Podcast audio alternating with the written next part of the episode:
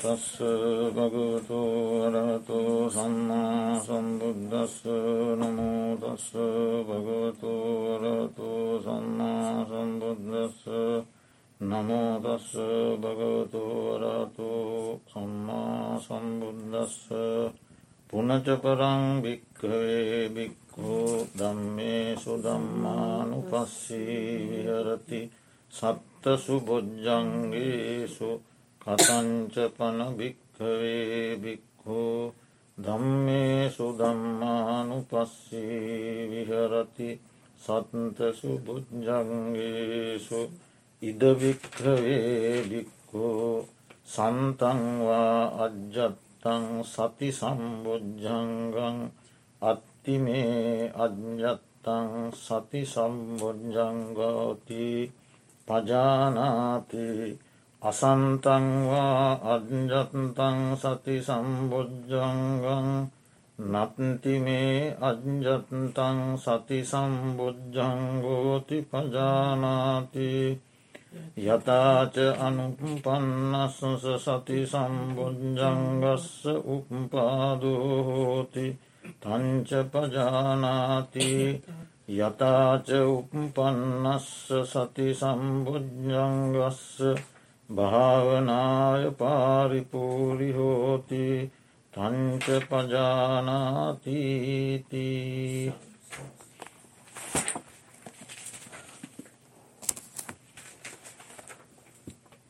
මහා සතිපට්ඨාන සූත්‍ර දේශනාවේ දම්මානු පස්සනා සටිපට්ඨානයට අයත් වූ තවත් එක් භාවනා කර්මස්ථානයක් මෙම මාතෘකාවෙහිදී අපි ඉදිරිපත් කළේ. ඒ තමයි බොජ්ජංග වැඩීම. බොජ්ජංගයන්ගෙන් පරිපූර්ණත්වයට පත්වීම කියන කාරණය. ඇතුළත් දහම් කොටස. මේ මාතෘකාව අපි මීට කලින් කතා කරලා තියෙනවා බොජ්ජංග ධර්ම වැඩෙන්නට උපකාර ධර්ම මොනවාද බොජ්ජංග යනු කවරේද කියන කාරණා යම් යම් කොටස් අපි මංහිතන්නේ සප්ත විශුද්ධිය සාකච්ඡා කරනකොට අපි කතා කළා. ඒ නිසා ඒ කරුණු නැවත කතා කරන්නට බලාපොරොත්තු වන්නේ නෑ මෙතනදී එදා ඒ මාතෘකාව යටතේ කතා නොකළ යම් කොටසක් වේ නම් ඒ කොටස පමණක් සාකච්ඡා කරන්න බලාපොරොත්තු වෙන්නේ. බෝධි අංග කියලා මේට තව වචනයක් තියෙනවා. බෝධි කියලා කියනවා චතුරාර්ය සත්‍යය අවබෝධයට චතුරාර්ය සත්‍ය අවබෝධය බෝධි ඒ චතුරාර්ය සත්‍යය අවබෝධ කරන පුද්ගලයන්ටත් බෝධි කියන. සම්මා සම්බෝධි පච්චේක බෝධි ශ්‍රාවක බෝධි කියල අපි කියන්නේ. සම්මා සම්බුදුරජාණන් වහන්සේ පසේ බුදුරජාණන් වහන්සේ ශ්‍රාවකයන් වහන්සේලා. එතවට පුද්ගලයාටත් බෝධි කියනවා චතුරාර්ය ශක්තිය අවබෝධයන්ටත් බෝධි කියනවා. ඔව අංග. එතකොට ඒ චතුරාර් ශත්‍යය අවබෝධ කර ගැනීම සඳහා ඉවහල් වන උපකාරවන අංග. තමයි බෝධි අංග බොජ්ජංග. එතකොට ඒ අංග හතක් ගැන තමයි මෙතනදී සාකච්ඡා කරන්න. එතකොට බොජ්ජංග ධර්ම හතයි. සති ධම්මවිචය විරිය පීති පස්සද්දි සමාධි උපෙක්කා. ධර්ම හතයි. පරමාර්ථ වශයෙන් ගත්තොත් මේ ධර්ම හතා අයිතිවන්නේ මොනවටද? පරමාර්ථ වශයෙන් ගත්තොත් නාමරූප ධර්මයන්ගේ මේ හතම අයිතිවෙන්නේ නාම කොටසට. සති කියන්නෙත් චෛතසිකය සති චෛතසිකය. හරි. සති චෛතසිකය කියන එතුට චෛතසික ධර්මයන්. චෛතසික කියන නාම. හරි. එතකොට ධම්ම විචය කියල කියන්නේ පඤ්ඥා චෛතසිකේ ප්‍රඥාව. පං්ඉන්ද්‍රිය කියලත් කියනවා පං්ඉන්ද්‍රිය ඉන්ද්‍රිය ධර්මයන් අතර පං්ඉන්ද්‍රිය. තොට පඤ්ඥා චෛතසික චෛතසික වසේ එතකොට ඒකත් නාම ධර්මය හම්දුරන එතකොට දැන් මේ ඉස්සරහ අපි කරපු හැම හැම මේ හැම භාවනාවකටම මේ බොජ්ජංග බොජ්ජංග හත වැඩි බොජ්ජංග වැඩෙනවානි භාවනා කරනකොට බොජ්ජංග වැඩෙනවා. එතකොට දම්ම විචය ගැන පඤ්ඥා චෛතසික. භාවනා කරනකොට සති චෛතසිකය වැඩෙනවා. වැඩෙනවා ගැන සති සම්බෝජ්ජන්ගේ සම්පූර්ණ. භාවනා නාමරූප පරිච්චේද ඥානයේදී නාමරූපයම් බෙදා වෙන් කරගෙන විදර්ශනා කරනකොට ප්‍රඥාව වැඩෙනවා. ඒ ගැන දම්ම විචේ සම්බෝජ්ජන්ගේ වැඩෙනවා. අනිත්‍යාදී ලක්ෂණත්‍රයෙන් දැන් අපි සත්ව පුද්ගල සංඥාවෙන් බලන දේවල් අපි සත්ව පුද්ගල වසයෙන් බලන දේවල් ඒ සත්ව පුද්ගල සංඥාව දුරු කරලා ධාතු වසයෙන් හෝ එලාට අනිත්‍ය දුක් අනාත්ම වසයෙන් හෝ නාමරූප වශයෙන් හෝ චිත්ත චෛතසික රූප වශයෙන් හෝ බලමින් බලමින් අපි ඒ වගේ අනිත්‍යය ලක්ෂණාදය ප්‍රකට කරගන්නකොට වැඩෙන්නේ ප්‍රඥාව. එතවට කැඩෙන්නේ මෝහොය. ඒ තැන්වලද අවිද්‍යාව බිඳිල යන ප්‍රඥාව දියුණු වෙන ප්‍රඥාව දියුණු වෙනවා ගැන දම්ම විචේ දියුණ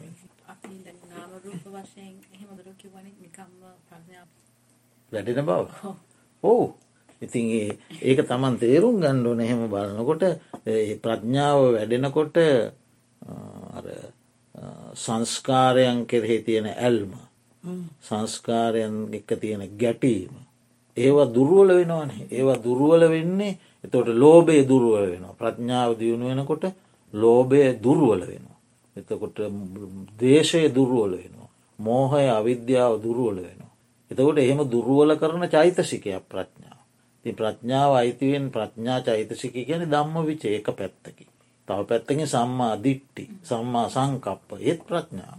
එතකොට ඔන්න එතකොට එහෙමනම් මේක නාම ධර්මය දම්ම විච භාවනාවදි වැඩෙන දෙයක්. ඊළඟට විරිය සම්බෝජ්ජංග. විරිය නම් වූ චතුරාර් ශත්‍ය අවබෝධයට උපකාරවන අංගය. වීරිය. අපි නොෙක් අවස්ථාවල කතා කරලා තියෙනන වීරිය ගැන.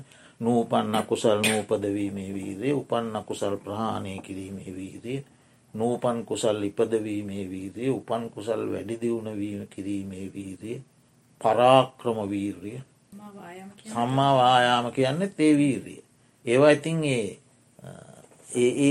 යෙදෙන තැන්වල අනුව ඒ වගේ පොඩි පොඩි අර්ථ වෙනස්කම් තියෙනවා. දැන් වීරිය ඉන්ද්‍රියක් වසයෙන් ක්‍රියාත්මක වෙනකොට ඉන්ද්‍රියක් වසයෙන් ක්‍රියාත්මක වෙනකොට මේ ඒක මේ ඉන්ද්‍රිය ධර්ම කියන්න මොනවද ඉන්ද්‍රිය කියලා කියන්නේ අධිපතිභාවය පවත් ඔන්න එතවට ඔන්න වී දැන් ඔන්න වීර්රිය එක තැනකදී අධිපතිභාවයෙන් ක්‍රියා කරන. අධිපතිභාවයෙන් ක්‍රියා කරනවා කියන්නේ අනිත් චෛතසික ධර්ම එයාට යටත්. පංචින්ද්‍රිය පංච ඉන්ද්‍රිය පංච ඉන්ද්‍රිය. එතොට ඉන්ද්‍රිය ධර්මයක් වසයෙන් ක්‍රියාත්මක කරනකොට අනිත්තේවා යටපත් කර ගැනීමේ හැකියාව. වීරයට යටත් වීරිය අභිබවා යන්ඩ බෑ අනිත්තේවට. වීරිය ඉක්මවා යන්ඩ බෑ. වීරිය හොඳට ක්‍රියාත්මක නම් අකුසල සත් සිතුවිලිවලට බෑ වීරිය වටකර යටකරගෙන මතුවෙන්ට. තොටන්න ඉන්ද්‍රිය ධර්මයක් එත. තොට බලධර්මයක් වසයෙන් ක්‍රියාත්මක වෙනකොට ප්‍රතිපක්ෂ ධර්මෝලට යට කලනු හැකි බලයක් ලොකු ශක්තිය ලොකු ශක්තිය තොට වීරී ඔන්න එතෙන්දි බලයක් වසයෙන් ක්‍රියාත්මක තට බොජ්ජංගයක් වසයෙන් ක්‍රියාත්මක වෙනවා කියන්නේ චතුරාර් ශක්ති අවබෝධය සඳහා උපකාර වෙන. එහෙම එහෙම එක එක වචනවල අර්ථවල වෙනස්කම් තියෙන්නේ. තොට වීරිය කියන විරිය චෛතසිකේ. ඊළඟට ප්‍රීති කියලා කියන පීති චෛතසික චෛතසික. එතකොට පස්සද්දි කියලා කියන චෛතසික දෙකක් තියෙන. කාය පස්සද්දි චිත්ත පස්සද්දි. පස්සද්දි සම්බෝජ්ජන් කාය පස්සද්දි චිත්ත පස්සද. එක යන්නේ එක අර්ථයක් තියෙනවා කයේ සංසිදීම සහ සිතේ සංසිදීම ඇති කරනවා. තවාර්ථයක් තියෙනවා සිතේ සංසිදීම සහ චෛතසිකයන්ගේ සංසිදීම ඇති කර. සිතේ සහ චෛතසිකයන්ගේ.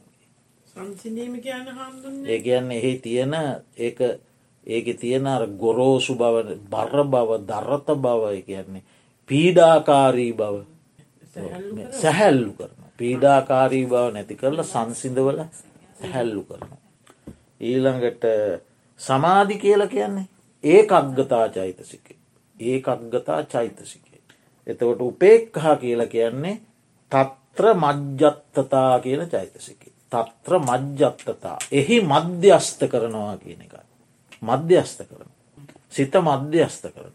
එකත් චෛතසික. එතකොට දැන්ව බොජ්ජංග හත කියන්නේ චෛතසික ධර්ම ඔක්කොම තියෙන්නේ අටයි.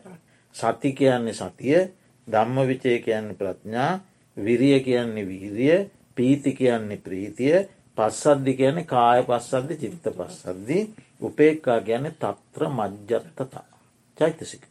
එනම් මොනවට දයිති. නාම ධර්ම. නාමරූපයන්ගේ නාම ධර්ම. ඊනගට චිත්ත චෛතසික චිත්ත චෛතසික රූප කියලා අපි ගන්නවන. චිත්ත චෛසික රූප නිර්වාණ. අභිධර්මය. එතන මේටික අයිති වෙන්න චෛතසික. චෛතසික. හතක්නේ චිත්ත චෛතසික රූප නිර්වාණ. පරමාර්ථ ධර්ම හතර. එයින් මේටික අයිති චෛතසික. ඊළඟට රූපවේදනා සංඥා සංකාර විඤ්ඥාන කියන තැන මෙතන වේදනා. එත නෑන. මෙතන තියෙන්නේ මේක ඇවිල්ලා චෛතසික අයිතිවෙන්න වේදනා සංඥා දෙක හැරුණකොට ඉතිරි පණහ සංකාර සංකාරිස්කන්දය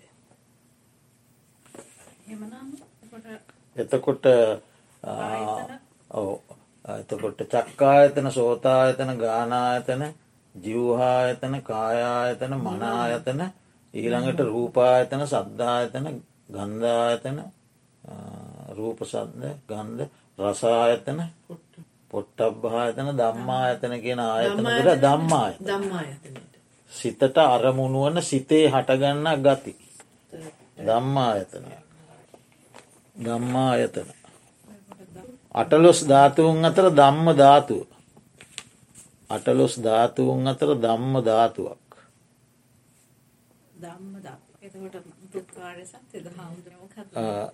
දම්ම ධාතුවක් ඊළඟට ඉතින් එච්චර තමයි. ඔක්කොම චරිත සේරම අයිත හමුදුනේ මේ මනසට මනස තුළ ක්‍රියාත්මකන සිතුවිලි සිතුවිලි සිතුවිලි. කුසල පක්ෂයට අයත් සිතුවිලි. කුසල වස්්‍රයයි අවබෝධයන්ට උපකාර වන. එතකොට ඔන්න නාමධර්මයක් චෛතසික ධර්මයක් සංකාරස්කන්දයක් ධම්මායතනයක් ධම්ම ධාතුවක්. මේ හතම. තොට මනසට අරමුණු වන දෙයක්. ඉතිං එත ඒ දැන් මේ මේවා සෝවාන් සකදාගාමය අනාගාමී අරිහත්. ඒ මාර්ගඥානයන් උපදවා ගැනීම සඳහා ඉවහල් වන නිසා. අංගවන නිසා උපකාරවන නිසා උදව්වන නිසා අවශ්‍යම වන නිසා. අය අවබෝධයට මඟ පෙන්වන්න නිසා මේවට කියෙන අංග කියල. සම්බෝධි අංග.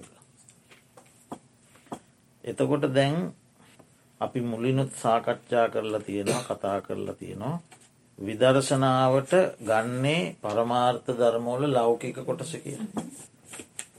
එතකොට දැන් මේ හතමත් විදර්ශනාවට ගන්න පුළු එකැන අපේ හිතේ දැන් සතිය හටගන්න බව දන්න. ඒ හටගන්න සතියේ අනිත්‍යතාවය දකින. සතිය හැම වෙලාම තියෙන දෙයන්නෙවෙයි හැම වෙලාම තියෙනවා. හැම වෙලාම තියෙන්න්න තියෙන තියෙනව නැතිවෙනවා. හටගන්නවා නැතිවෙනවා. එතකොට දැන් හටගෙන නැතිවෙනවත් එක්කම ඒ සතිය දිගට සන්තතියක් වසයෙන් පවත්වනකොට අයත් සතිය මතුවෙන අයත් නැතිවෙන අයත් හටගන්න අයත් නැතිවෙන අයත් හටගන්නවා සතියේ සතිය විදර්ශනාවට ගන්න පුළුව ඔව දැනගැනී දැනගැනීම් ප්‍රඥා එතකොට ඒ විදිහට මේවා විදර්ශනාවටත් උපකාර කරගත හැකි ධර්ම. ඉතිං යම් කිසි කෙනෙක් කුමන හෝ භාවනාවකි කුමන හෝ බුද්ධානුස්සතිය ඕනම භාවනාව ඕනෑම භාවනාව තමාට වඩා හුරුයම් භාවනාවත් තියෙනවන එයි. එයින් තමාගේ හිත සමාධිවෙන්න නැත්තං වෙන භාවනාවක් තෝරාගෙන හෝ කුමන හෝ භාවනාවකින් මේ සතියාදී බොජ්ජංග ධර්ම වැඩෙන පැත්තට එය යොමු කර ගැනීම. ඒකට හොඳම සංයුක්ත නිකාය තියෙනවන අර මං ඔයිට කලින් කියලා ඇති. බුදුහාමුදුරුව එතෙන්දි දේශනා කරනවනේ සංඥා ගණනාවක්ම අට්ටික සංඥා පුලවක සංඥා විපුබ්බක සංඥා අනිච්ච සංඥා අනිච්චේ දුක්ක සංඥා අනත්ත සංඥා පහන සංඥා විරාග සංඥා නිරෝධ සංඥා ඊළඟට මරණ සංඥා ආනාපාන සති අසුභ සංඥා ඔහොම සංඥා ගණනාවක් බුදුහාන්දුරු දේශනා කරන. දේශනා කරලා එතනදිත් පැහැදිලි කරන්නේ යම් කිසි කෙනෙක්. මෙන්න මේ සංඥාවක් වඩලා. ඒ සංඥාව අනුව ගිය සිතෙන් එකන සංඥාව අනුව දැන් හිත පුරුදු කරලා. අනිත්‍යය නම් වඩන්නේ අනිත්‍ය දැන් පුරුදු කරලා. මරණ සතය නම් වඩන්නේ මරණ සතය පුරුදු කරලා. ආනාපානසතය වඩන්න නාග පුරුදු කරලා දැන් ඔන්න හිත පුරුදු කරලා. පුහුණු කරලා. අසුභය නම් වඩන්නේ දැන් ඒක පුහුණු කරලා. ඒ අනුව ගිය සිතින්. එකැන ඒ පුරුදු කරන ලද සිතින්. ඔන්න දැන්යා විවේකය ඇසුරු කරනවා. විරාගය ඇසුරු කරනවා. නිරෝධය ඇසුරු කරනවා. නිවනට නැමුණු සිත ඇති කරගන්න. ඇති කරගෙන මොකක්ද වඩන්නේ සති සම්බෝජ්ජන්ගේ වඩන. හරි. ඔන්න ආනාපාන සතියනුත් යන්න එතෙන්ට. ආනාපාන සතිය අනුව ගිය සිතෙන් විවේකය විරාගේ නිරෝධය ඇසුරු කරන. නිවනට නැමුණු සිත ඇති කරගන්න. ඇති කරගෙන අර සිතෙන් එයා වඩනවා සති සම්බෝජ ධම්ම විචය සම්බෝජ්ජන්ගේ විරේ සම්බෝජ්ජන්ගේ ප්‍රීති සම්බෝජ්ජන්ගේ පස්සද්ධි සම්බෝජ්ජන්ගේ උපේක්කා සමාධි සම්බෝජ්ජන්ගේ උපේක්කා සම්බෝජ්ජන් එතකොට දැන් ඒකින් පෙහෙනවන ඕනෑමයකින් එතැනට ගමන් කළ හැකි බව. ඒ සූත්‍ර පෙළෙෙම එක පේන. එතකොට අනිත් භාවනා කර්මස්ථානොලත් ඒක පේනවා. භාවනාවක් වැඩීමෙන් ලැබෙන ප්‍රධාන මරමුණ තමයි නීවරණයට පත්වේ. හරි. එතකොට නීවරණ යටපත් වෙනකොට ඊළඟට මතු වෙන්න මොනවද බොච්චං නීවරණයට පත් වෙලා නින්ද යනව නෙවෙයිනි නීවරණ යටපත් වයමින් මතුවෙන්නේ බොජ්ජංග. තොට එක අවබෝධයෙන් යනකොට චතුරාරි ශත්‍ය අවබෝධයට තමයි ඒ මාර්ගය සකස් වෙන්.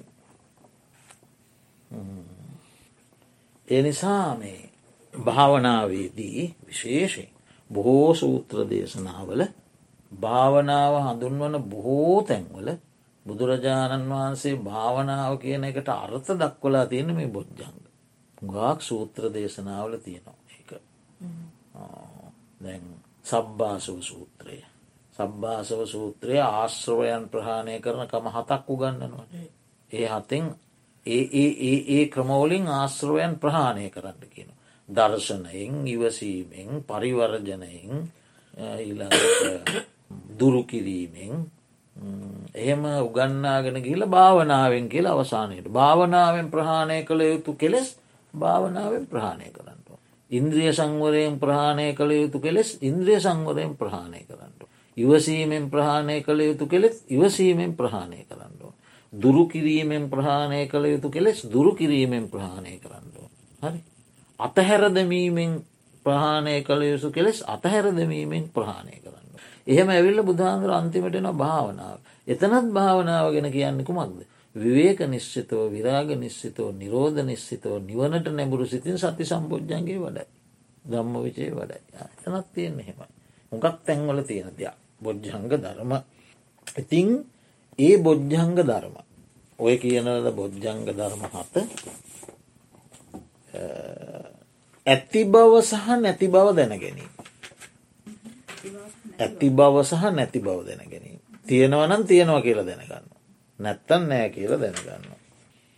ඊළඟට ඒ නැති බොජ්ජංග ධර්ම දියුණු කරගන්නට වුවමනා කරන්නේ මොනවාද. මොනවා තුළින්දමට මේ බොජ්ජංග දියුණු කරගන්න පුළුවන්. කියල දැනගෙන ඉන්න එක වැදක. හරි ඇති නැති බව දැනගණ්ඩ ඕනේ ඊළඟට නැතිේවා ඇති කරගන්න කොහොමද කියල දැනගණ්ඩුව. අංග භාවනාවේදී අවශ්‍යයි. ඇති නැති බව දැනගණ්ඩ ඕනේ මා තුළ දැන් මේ බොජ්ජන්ගේ තියනවා මේක නෑ මේක මේක තියෙනවා මේක නෑ එක දැනගන්න මට සතිය නෑද තියෙනවනම් තියෙනවා එක දැනගණ්ඩුව. ඊළඟට ඒ නැති බොජ්ජංග ධර්ම ඇති කරගන්නේ කොහොමද. මොනවා කළොද්ද ඇති වෙන්නේ. කියල දැනගණ්ඩුවන එයින් ප්‍රධානම්දේ යෝනිසෝ මනසිකා. එකදා ප්‍රධාන. හත්තටම ප්‍රධානයි. එතකොට ඊට තා උපකාරක ධර්ම තියෙනවා ඒවා අපි කලින් ඉගෙන ගත්ත. ආන්නේ උපකාරක ධර්ම මේවා නිසා තමයි මට මේ බොජ්ජංග දියුණු කරගන්න පුළුවන්. කියන කාරණය දැනගණ්ඩුවන්. ඊළඟට ඒ කාරණා ඉගෙනගෙන ඒවා නුවනින් අනුගමනය කිරීම. හරි එතකොට ඇති නැති බව දැන ගැනීම නැතිඒවා ඇතිකර ගැනීමට උපකාරවන කරුණු දැන ගැනීම සහ ඒවා නුවනින් අනුගමනය කිරීම දැනගෙන හිටියට මදින ඒවා නුවනින් අනුගමනය කිරීම. ඉති ඔය කරුණු තුන භාවනාවට ඉතාම අවශ්‍යය. ඇති නැති බව දැනගණ්ඩ ඕන නැති ඒවා ඇතිවෙන්නේ කොහොමද කියලා දැනගණ්ඩ ඕන ඒ දැනගත්ත කරුණු නුවනින් අනුගමනය කරන්න.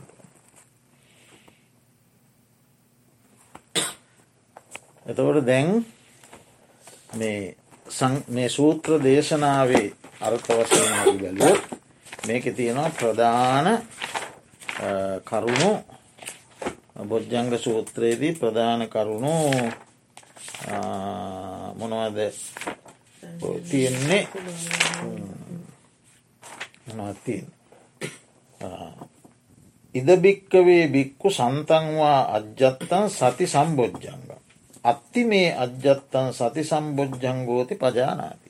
මහනෙන මේ ශාසනයේ මහනතෙම තමන්ගේ සන්තානයෙහි සති සම්බොජ්ජන්ගය ඇත්නම් මාගේ සන්තානයේ දැන් සති සම්බෝජ්ජන්ගේ ඇතැයි කියල දැනගන්න ඔන්න තියෙනවා කියල දැනගන්න. අසන්තන්වා අජ්ජත්තන් සති සම්බෝජ්ජන්ගන් නත්ති මේ අජ්ජත්තන් සති සම්බෝජ්ජං ගෝති පජානාති.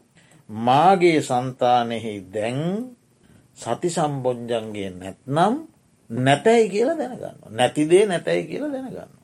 යතාච අනුපන්නස්ස සතිසම්බුද්ධංගස්ස උප්පාදෝ හෝති තංච පජානාති.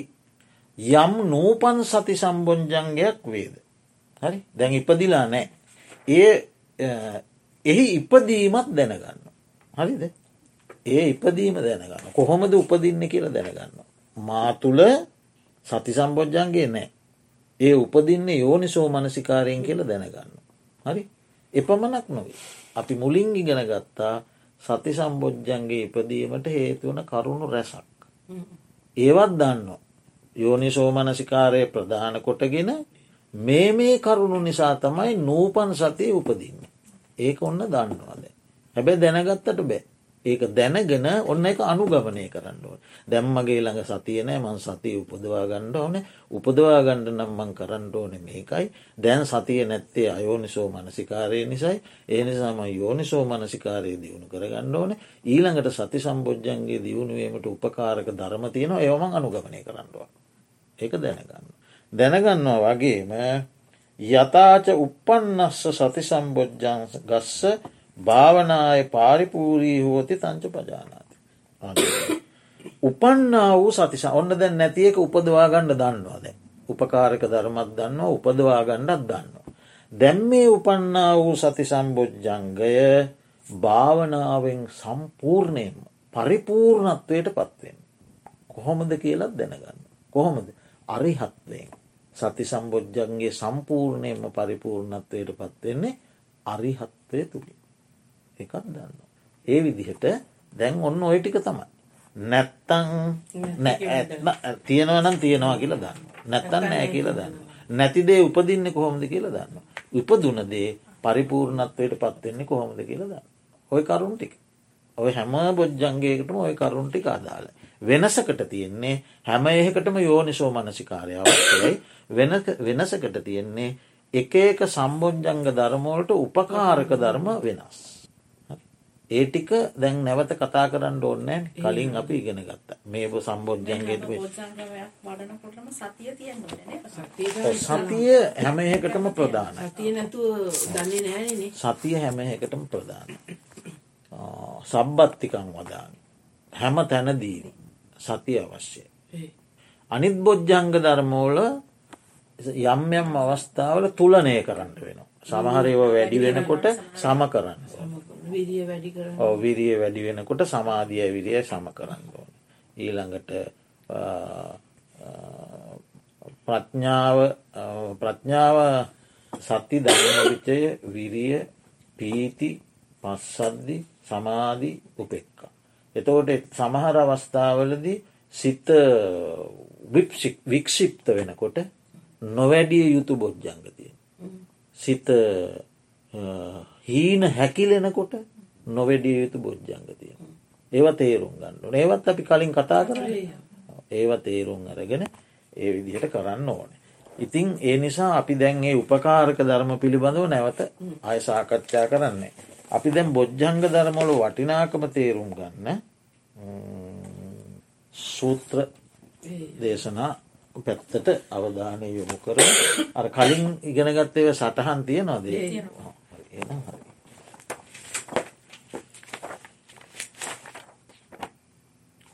ඔන්න බුදුහාන්දුරුව දේශනා කරනවා තියෙනවා බොජ්ජංග සංයුක්තය කියල වෙනම සංයුක්තය සංයුක්ත නිකායේ බොජ්ජංග සංයුක්තය. එහි තිබෙනවා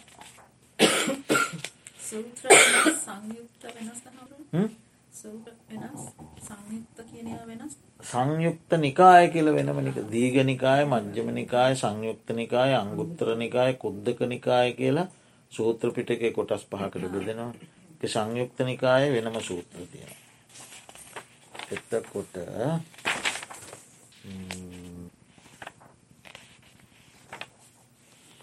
කුණ්ඩලිය සූත්‍රය. එක් කලක භාග්‍යවතුන් වහන්සේ සාකේත නුවර සමීපෙහි මිගදාය නම් අංජන වනයෙහි වැඩසවෙසෙන සේක. එකල්ලි කුණ්ඩලිය පිරිවැජිතමේ භාග්‍යවතුන් වහන්සේ වෙත එළඹියය. එළඹ භාග්‍යවතුන් වහන්සේ සමඟ සතුටු විය. සතුටු විය යුතු සිහිකටයුතු කතාවකොට නිමවා එකත් පසක හුන්නේ. එකත් පස්සහුන් කුණ්ඩලිය පිරිවැජිතමේ භාග්‍යවතුන් වහන්සේට මෙය සැල කළේ. බවත් ගෞතමයනි මම අරම් නිසා වෙසෙන මෙරමා මතය මැඩලා ස්ුවමතය තරකිරීමට සමත් පිරිස්සි හැසිරෙන්නෙක් වූ. ඒ ඇන්න මොකක්ද මේ කුණ්ඩලිය පිරිවජය ඇවිල්ල බුදුහාදුරුව අම්බෙලා කියනවා මම තමන්ගේ මතය ස්තිර කරලා තමන්ගේ අදහස ස්තීර කරලා. අනුන්ගේ මත යටපත් කරන්නට සමත් පිරිස් අතර හැසිරෙන කෙනෙක්. එවැනි පිරිස් අතර මම හැසිරෙනවා නිතර. මම උදය බත වලදා පසුබත අතර උදේ බතයි පසුබතයි අතර මෙබඳු සිරිතක් වෙයි. අරමින් අරමට උයනෙන් උයනට සක්මං කරම. ඒ මම වාදය මෙසේය වාදයෙන් මිදීම මෙසේයයි මේ අනුසස්කොට ඇති කතා කියන ඇතැම් මහන බමුණන් දකිින්. මම එහෙම ඇවිදගෙන යනකොට මන් දකිනවා වාදය මෙහෙමයි. වාදයෙන් මිදීම මෙහෙමයි. කියන මේ වාදයේම ආනිසංස කියන. මහන බමුණෝ මට දකිින්ට ලැබෙන. ඒ ඇවිදගෙන යනකොට. ඒ කාල තිබුණ ශ්‍රමණයන් අතර දෙයක් තමයි මේ වාදය. වාද කරලා යමක් ජයග්‍රහණය කිරීම. තින් මං ඒ අය දකිනවා. බවත් ගෞතමයන් වහන්සේ කුමක් අනුසාස් අනුසස් කොටගෙනද මේ වාසය කරන්න කියලා. ඒගොල්ල ඉන්න වාදය අනුසස් කොටගෙනෙන. බවත් ගෞතමයන් වහන්සේ මොකක් අනුසස් කොටගෙන දන්නේ කියලව. බුදුහාන්දුරෝ දේශනා කළ කුණ්ඩලිය තතාගත තෙමේ. විද්‍යා විමුක්ති පල අනුසස් කොට ඇතිව වෙසේ. මම ආනිසංස කොටගෙනන්නේ විද්‍යාවත් විමුක්ති පලයක්. නිවන අනුසස් කොටගෙන වාසය කරන. එතකොට එයා අහනවා බවත් ගෞතමයනි කවර දහම් වඩන ලද බහුල කරන ලද කෙනාද විද්‍යාවිමුක්ති සම්පූර්ණ කරන්න. ආනි අනුසස් කරගන්න විද්‍යාවිමුක්. ඒක නිකන් ලැබෙන්න ඇන. කවර ධර්මයක් වැඩීමෙන්ද ඒ විද්‍යාවිමුක්තිය ලැබෙන්න කියලා හනු. එතවට බුදුහාන්දුරෝ දේශනා කරන කුණ්ඩලියේ සත්ත බොජ්ජංගයෝ වඩන කෙනා. බහුල වශයෙන් පුරුදු කරන කෙනා විද්‍යාවිමුක්තිය සම්පූර්ණ කරනවා. අන්න පැහැදිලි නතකොට විද්‍යාවිමුක්ති කියන නිවන. ඒ සම්පූර්ණ කරන්න කවුද බොජ්ජංග ධර්ම වඩන කෙන. බහුල වශයෙන් පුරුදු කරන කෙන. ඊළඟට බවත් ගෞතමේනී කවර දහම් වඩන ලද කෙනාද මේ බොජ්ජංග සම්පූර්ණ කරන්න. විද්‍යාවිමුක්ති සම්පූර්ණ කරනවා බොජ්ජංග වඩන කෙන. දැ එයා එතනින් නතර උන්න. එය අහනවා මේ බොජ්ජංග සම්පූර්ණ කරන්නේ කවර දේවල් වඩන කෙනාද. එකන මොකක් දෙකින් බොජ්ජංග සම්පූර්ණ වෙන්නේ මොනව වැඩුවොද්ද කියලහන්නේ. මොනව වැඩුවොද්ද. බුදුහාන්දුරු දේශනා කරන සතර සතිපට්ටා. එතවට සතර සතිපට්ටාන වඩන කෙනා මොකක්ද සම්පූර්ණ කරන්නේ බොජ්ජංග. බොජ්ජංග සම්පූර්ණ කරන කෙනා මොකක්ද සම්පූර්ණ කරන්නේ නිවන. හරි කුණ්ඩලී එතනින් අතර වනෙත් නෑ. එයා අහනවා හොඳයි හොඳයි භාග්‍යවතුන් වහන්ස ඔය සතර සතිපට්ටාන සම්පූර්ණ කරන්නේ මොනවා වඩන කෙනාද කියලා බුදුහාමුදුර දේශනා කරනවා කුණ්ඩලිය මේ ත්‍රිවිධ සුචරිතය සම්පූර්ණ. කාය සුචරිත වචී සුචරිත මනෝ සුචරිත. සම්පූර්ණ කරන කෙනා තමයි නෑ සතර සතිපට්ටාන සම්පූර්ණ හරි? එතකට දැන් ඔන්න කොහොමද? ත්‍රිවිධ සුචරිතය සතර සතිපට්ටාන සප්ත බොජ්ජංග විද්‍යා විමුක්ති. එහෙම ඊළඟට යා එතනින් නැවතු නෙත් නෑ. අහනවා ස්වාමීනි භාග්‍යවතුන් වහන්ස. හොඳයි. ඔය ත්‍රිවිධ සුචරිතය සම්පූර්ණ කරන්නේ මොනවා වටන කෙනා. කුණ්ඩලී ඉන්ද්‍රිය සංවරය වඩන කෙනා. හරි හැබැයි එයා එයාට අය ප්‍රශ්නහන්ට දුන්න ඉඩත් තිබෙන බුදු හාමුදුරු එතනින් පස්සේ බුදුහාදුර ඉන්ද්‍රිය සංවරය විස්තර කරගෙන ගිය නැත්තයි කෙලවරන්න ටසි බුදුහාමුදුර දේශනා කරනවා දැන් දැන් කරුණු ටික පැහැදිලීන දැන් යටඉඳලා උඩට ගියොත් ඉන්ද්‍රිය සංවරය වැඩුවාම ත්‍රීවිධ සුචරිතය ත්‍රිවිධ සුත්‍රිතය වඩාගෙන යනකොට සතිපට්ටාන සතිපට්ටාන වඩාගෙන යනකොට බොජ්ජං බොජ්ජංග වඩාගෙන යනකොට විද්‍යාවම ඊට පස්සේ බුදුහාන්දුර විස්තර කරනවා කුණ්ඩලිය මේ සස්නේ මහනතෙම ඇසින් ඇසට අරමුණු වෙනවනි රූප. ඒව විඤ්ඥානයෙන් දකිනවනි දැක්කම ඒ ඒ ඒ ඒ අරමුණු පතන්නේ නෑ ප්‍රිය මනාප ඉෂ්ට අරමුණු පතන්නේ නෑ ගැන පිරේ රූප පතන්නේ නෑ භික්ෂුව ඒ පතන්නේ නෑ එතකොට ඒවාල් ඒවාල් ඒ රූප ආරම්මන ලැබීමෙන් ආමිෂ සතුටක් විඳිනවන. ඒ සතුටෙන් හිත පෙලාගන්නෙත් නෑ. හරිද. ඒ අරමුණු කෙරේ රාගේ උපදවන්නෙත් නෑ. අරමුණු පතන්නේ ආමිෂ සතුටෙන් සිත පෙලාගන්නේ නෑ රාගේ උපදවන්නේ නෑ.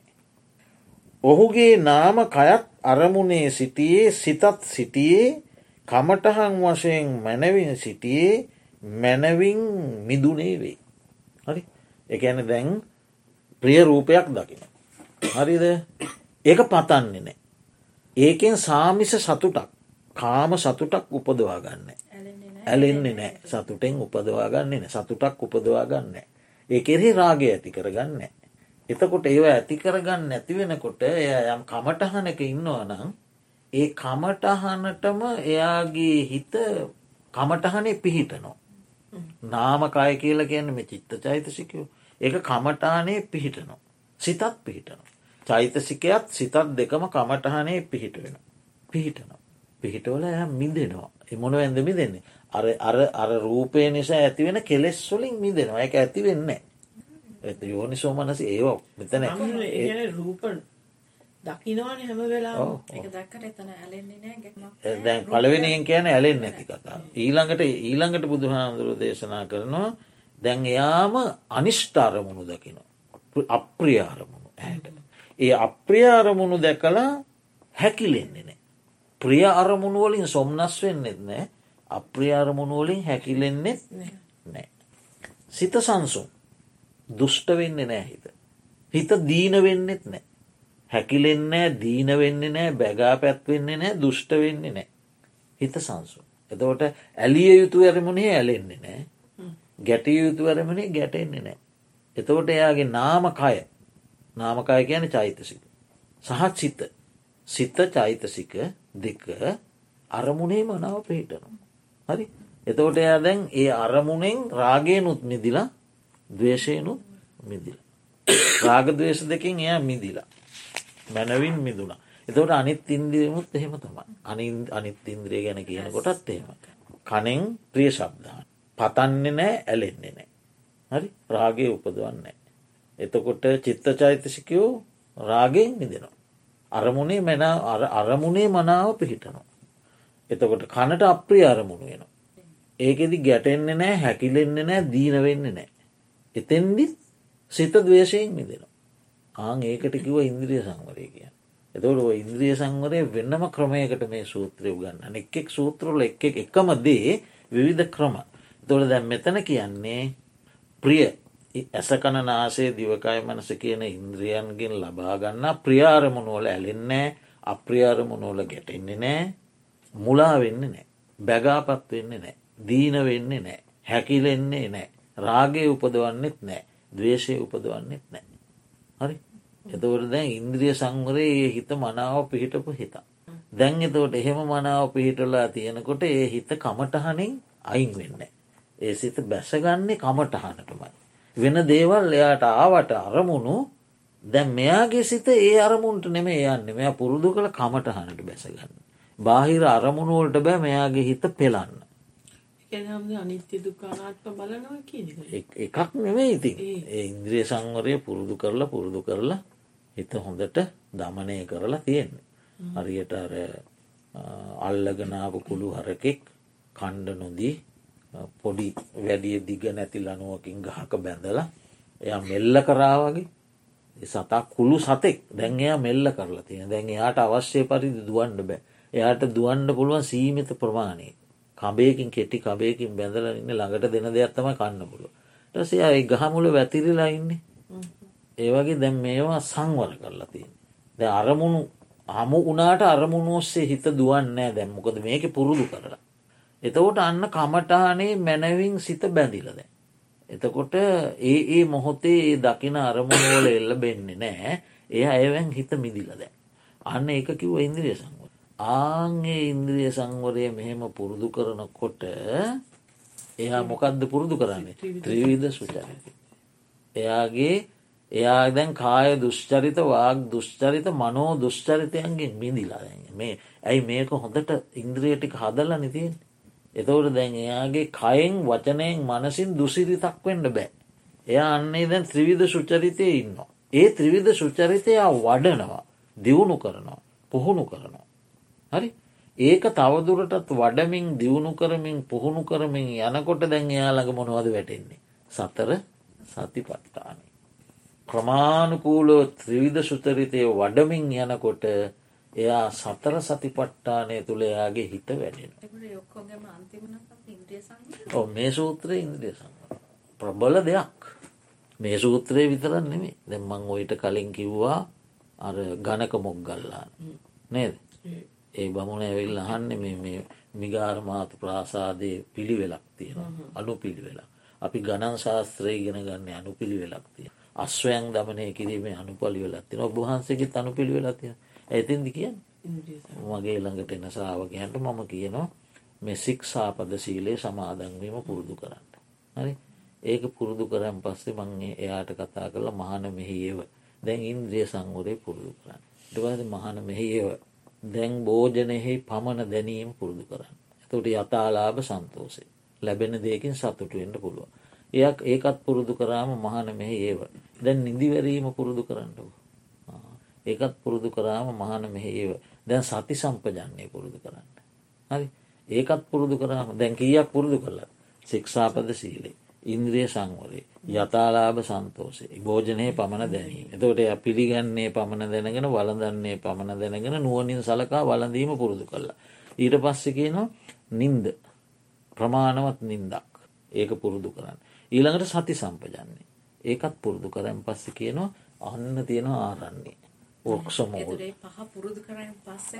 ඒ පහ පුරුදු කරනකොට එයාළඟ හොඳ සතියක් වැඩිලා භාවනා කරන්න අවශ්‍ය මූලික අත්තිවාරම හැදිල තියෙන. ඉන්ද්‍රිය සංවරයට ඉන්ද්‍රිය සංවරයෙන් වැඩිය යුතුදේ වඩාගෙන තියෙන්නේ. යන එන ගමන බිමන වැසිකිලි කැසිකිලි කිරීම ඔබ මොබ යෑම ඔබ මොබ බැලීම ඉදිරියට යෑම පසු පසට ඒම පාත්තර සිවුරු දැරීම මේ හැම එකක්ම යම් කිසි කමටහන් එකන්නේ යම් කිසි සිහිනුවනකින් පුරුදු කරලා තියෙන. එතවට එතනත් ලොකූ සංවරයක් එයාගේ දැන් හැදිල තියෙන හරිද. කියන්නේ එතවට ද වර්තමානය සිත පවත්වන්න පුරුදු වෙලා. දැන් මේ හැම ඉරියව්වකම සති සම්පජන්නේ පුරුදු කරනවා ගැන සිත වර්තමානය පුරුදු කරන්න පුහුණු වෙලාද. සමහර අවස්ථාවල දුවන්න පුළුවන් නමුත් එයාට වහා වර්තමානයට ගන්න පුළුවන්. ඇයි මේ සති සම්පජන්නේ පුරුදු කර ඊට පස්ස කියනවන්න භාව ආරන්නේ තියෙනවා ගිරි ගුහා තියෙනවා කන්දර තියෙනවා පරවත තියෙනවා සුසානාගාර තියෙනවා ආරන්නේ තියෙනවා. ඒ තැනකට ගිහිල්ල පලක් බැඳගෙන සිහිය කර්මස්ථානයට අභිමුඛ කොටගෙන නීවරණ දුරු කරන්න ඒ එතෙන්ට ඒ ටික කියන්න එනකොට යා ලොකු උරුවක්කට ඇවිල්ල තියෙනවා. ඉති ඒකෙම මේ මේ එක ක්‍රමයක්. මේක පටන්ගන්න ඉන්ද්‍රිය සංවරය. මේ දේශනාව ඉන්ද්‍රිය සංවරයෙන් පටන්ගන්න. එතකොට දැන් ඔන්න ඔය විදියට සතර සතිපට්ටානය වැඩෙනවාේ. එතකොට එහෙම සතර සතිපට්ටානය වැඩෙනකොට මං මෙයායක දියුණු කරන්න පටන් ගන්න. ඒක වඩනවා දියුණු කරනවා බහුලීකෘත කරනවා. කායානු පස්සනා වේදනානු පස්සනා චිත්තානු පස්සනා ධම්මානු පස්සන. ඒවා එහෙම පුරුදු කරගෙන යනකොට සතර සතිපට්ටානය කුණ්ඩලිය එයා බොජ්ජංග ධර්ම තමයි ඒ පරිපූර්ණ කරන්න. එයා දැන් දියුණු කරන්නේ සතර සතිපට්ටාන වැඩීම තුළින් දියුණු කරන්න බොජ්ජංග ධර්ම. ඊට පස්සෙ දැන් මෙයා විවේකය විරාගේ නිරෝධය ඇසුරු කොටගෙන නිවනට නැමුණු සිත් ඇතිව බොජ්ජංග වඩන්න පටන්ගන්න.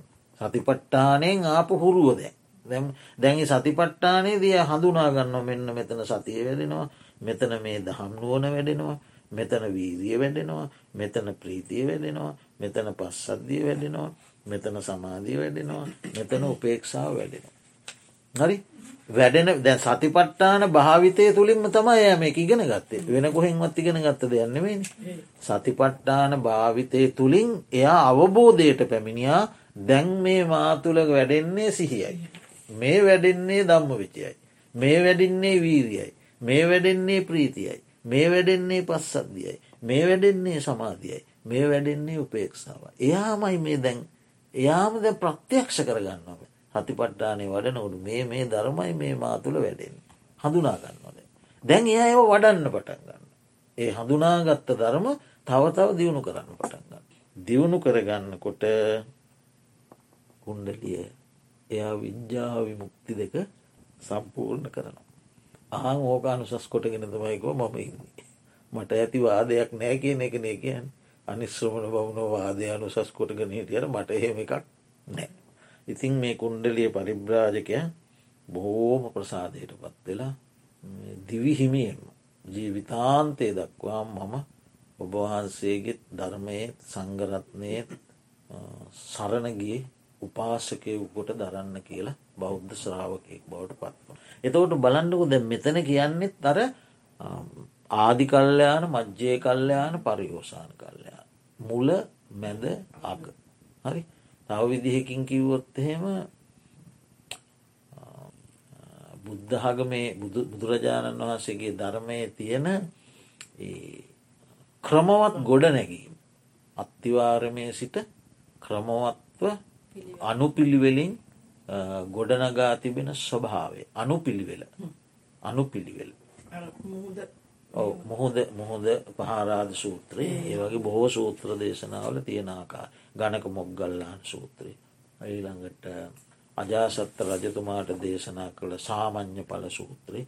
ඒ හුඟ සූත්‍රවල තියෙනවා මේ ක්‍රමානුකූල බව. මෙතනක් තියෙන්නේ එක. එක පාර්ට බුද්ධ්ජංගලට ආව නොවෙයි ක්‍රමානුකූලව වැඩිලා යනවා. ඉන්දිය සම්බලය කියන මොන තරම් වැදගත් රිම මවුලේ. රේරුකානේ නායක ස්වාමීන් වහන්සේ නම් කියනවා සාමාන්‍ය පෝදුම් කෙනෙකුට ඉන්ද්‍රිය සංවරය පරිපූර්ණ කරන්නටත් අමාරු තරම්. නමුත් අමාරුයි කියලා නෙමෙයි ඒක විශේෂිත තැනක්. විශේෂිත තැන හඳුන් ඉන්ද්‍රිය සංවරය දැන් අපි සාමාන්‍යයෙන් කියමුකෝ කොහරි දෙයක් බලන්න යනවා රූපයට ඇහැට පෙනෙන ප්‍රියමනාප දෙයක්. ඒක දැන් අපි ධර්මය මේ පුහුණු වෙන නිසා අපිට ඒක ධර්මය තුලින් ඒක ඉබේම දකින්න ඒක ඒක අපි හිතන්නේ නැතුව වෙනවා හාමුදුරනේ හිතට එනවා නේද ඔව් ධර්මය පුරුදු කරාම ඒ පැත්තෙන් තමයි පේන්නේ. රූපයක් දැක්කාම ඒ ධර්මය හොඳට පුරුදු කරලා තිබ්බොත් එහෙම පේනවා. එහෙම තමා එතවට මෙන්න දැන් තියෙනවා තව සූත්‍ර වගේයක් ගොඩාක් තියෙනවා සූත්‍ර දේශනා. නමුත් අපි තෝරාගත්ත කීපයක්. යම් කිසි ප්‍රාණීහු ජීවත්වෙන ප්‍රාණීන් කලෙක ගමන කලෙක සිටුම කලක හිඳුම කලෙක සයනේ ඉරියව් අතරක් පවත්වනවා. සිව් ඉරියව් පවත්වත්ද ඒ සියල්ලෝ පොළව නිසා පොළවෙහි පිහිටා සිව් ඉරියව් පවත්තද. සිව් ඉරියව්ම පවත්වන්ට උපකාරවෙන පොළව පොළව. මහනෙන එසෙයින්ම මහනතමේ සීලය නිසා සීලයේ පිහිටා සත් බොජක වඩයි. සත් බොජක බහුල කරයි. ඔන්න එක තැන දැන් සීලේ ඕන්නෑ කියලා කියන පිරිසකුත්තින් නොලෝගේ. බුදුහාදුරු දේශනා කරනවා පොළව නිසා ප්‍රාණී සතර ඉරියව් පවත්වනවන ඒ සියලුම ප්‍රාණීන් සතර ඉරියව් පත්තන පොළොව නිසා. ඒ වගේ මහනතෙමත් සීලය නිසා සීලයේ පිහිටා තමයි සත්බෝජක වඩා. එකත එතවට දැන් එතන සීලය පොළොව. සීලය නම් වූ පොළොව මත පිහිටාගෙන තමයි බොජ්ජංග වඩා. අන්න එක එක තැන. කොහොමද කියලා හන ඊළඟට බුදුහාදුරු. කෙසේද සීලය නිසා සීලයේ පිහිටා බොජ්ජංග වඩන්න. ඔන්න දැගේ සීලයේ පිහිටි භික්‍ෂුව අන්න අතෙන්ඩායනවා. විවේකය ඇසුරුකොට විරාගේ ඇසුරුකොට නිරෝධය ඇසුරුකොට නිවනට නැමුණු සිත් ඇතුව සති සම්බෝජ්ජන්ගේ වඩයි. ඔන්න එතන තේරුම් ගණ්ඩ එකක් සීලය එතන සීලය ඊළඟට මහනෙන යම් අරුණෝදයක් වේද. උදාවෙන හිරුට මෙය පෙරටුයි. අරුණෝදී ඔය පාන්දර පාන්දර හතරට හතරාමාට විතර නැගෙන ඉරහසේ රප්පෑයෙන් බබලන් ඒක දැක්කගමන් කියන්න පුළුවන් ඉරපායන්ට සමීපයි කියලා. අරුණෝදේ එතකට උදාවන ඉරුට ඒක පෙර පෙර ගමන් කරනවා. මුලින් එනවා. පෙර නිමිත්තය නිමිත්තක් එක පෙන්නන. මහනෙන එසේඉම්ම මේ කල්්‍යයාන මිතුරන් ඇති බවක් වේද. සත්බොංජංග ඉපදීම පිණිස මේ පෙරටුවේ පෙර නිමිත්තය. ඔන්න දැන් එතකොට සත්ත බොජ්ජංග වඩන්න පොළව තමයි සීල. හරිද ඊළඟට කල්්‍යයාන මිත්‍රාශ්‍රය තමයි පෙර නිමිත්ත. පෙර නිමිත්ත. හරිද. ඒ ඇසුරම තමයි ඒකම තමයි පෙර නිමිත්ත කරගෙන එයා සත්ත බොජ්ජංග වඩන්නේ අර විදිහටමයි විවේක නිශ්සිත විරාග නිශ්සිති තොට කල්ලයාන මිත්‍රය කියල දෙනවාන කියල දෙන ඔය ආයස්මතුල්ලඟ දැන් සතිය මදි බවක් පේන සතිය දියුණු කරන්න. ඔයට සතිය තියෙනවා මට සද්ධාවක් තියෙනවා ඔය වීර්ය නෑනෙ වීරිය දියුණු කරන්න.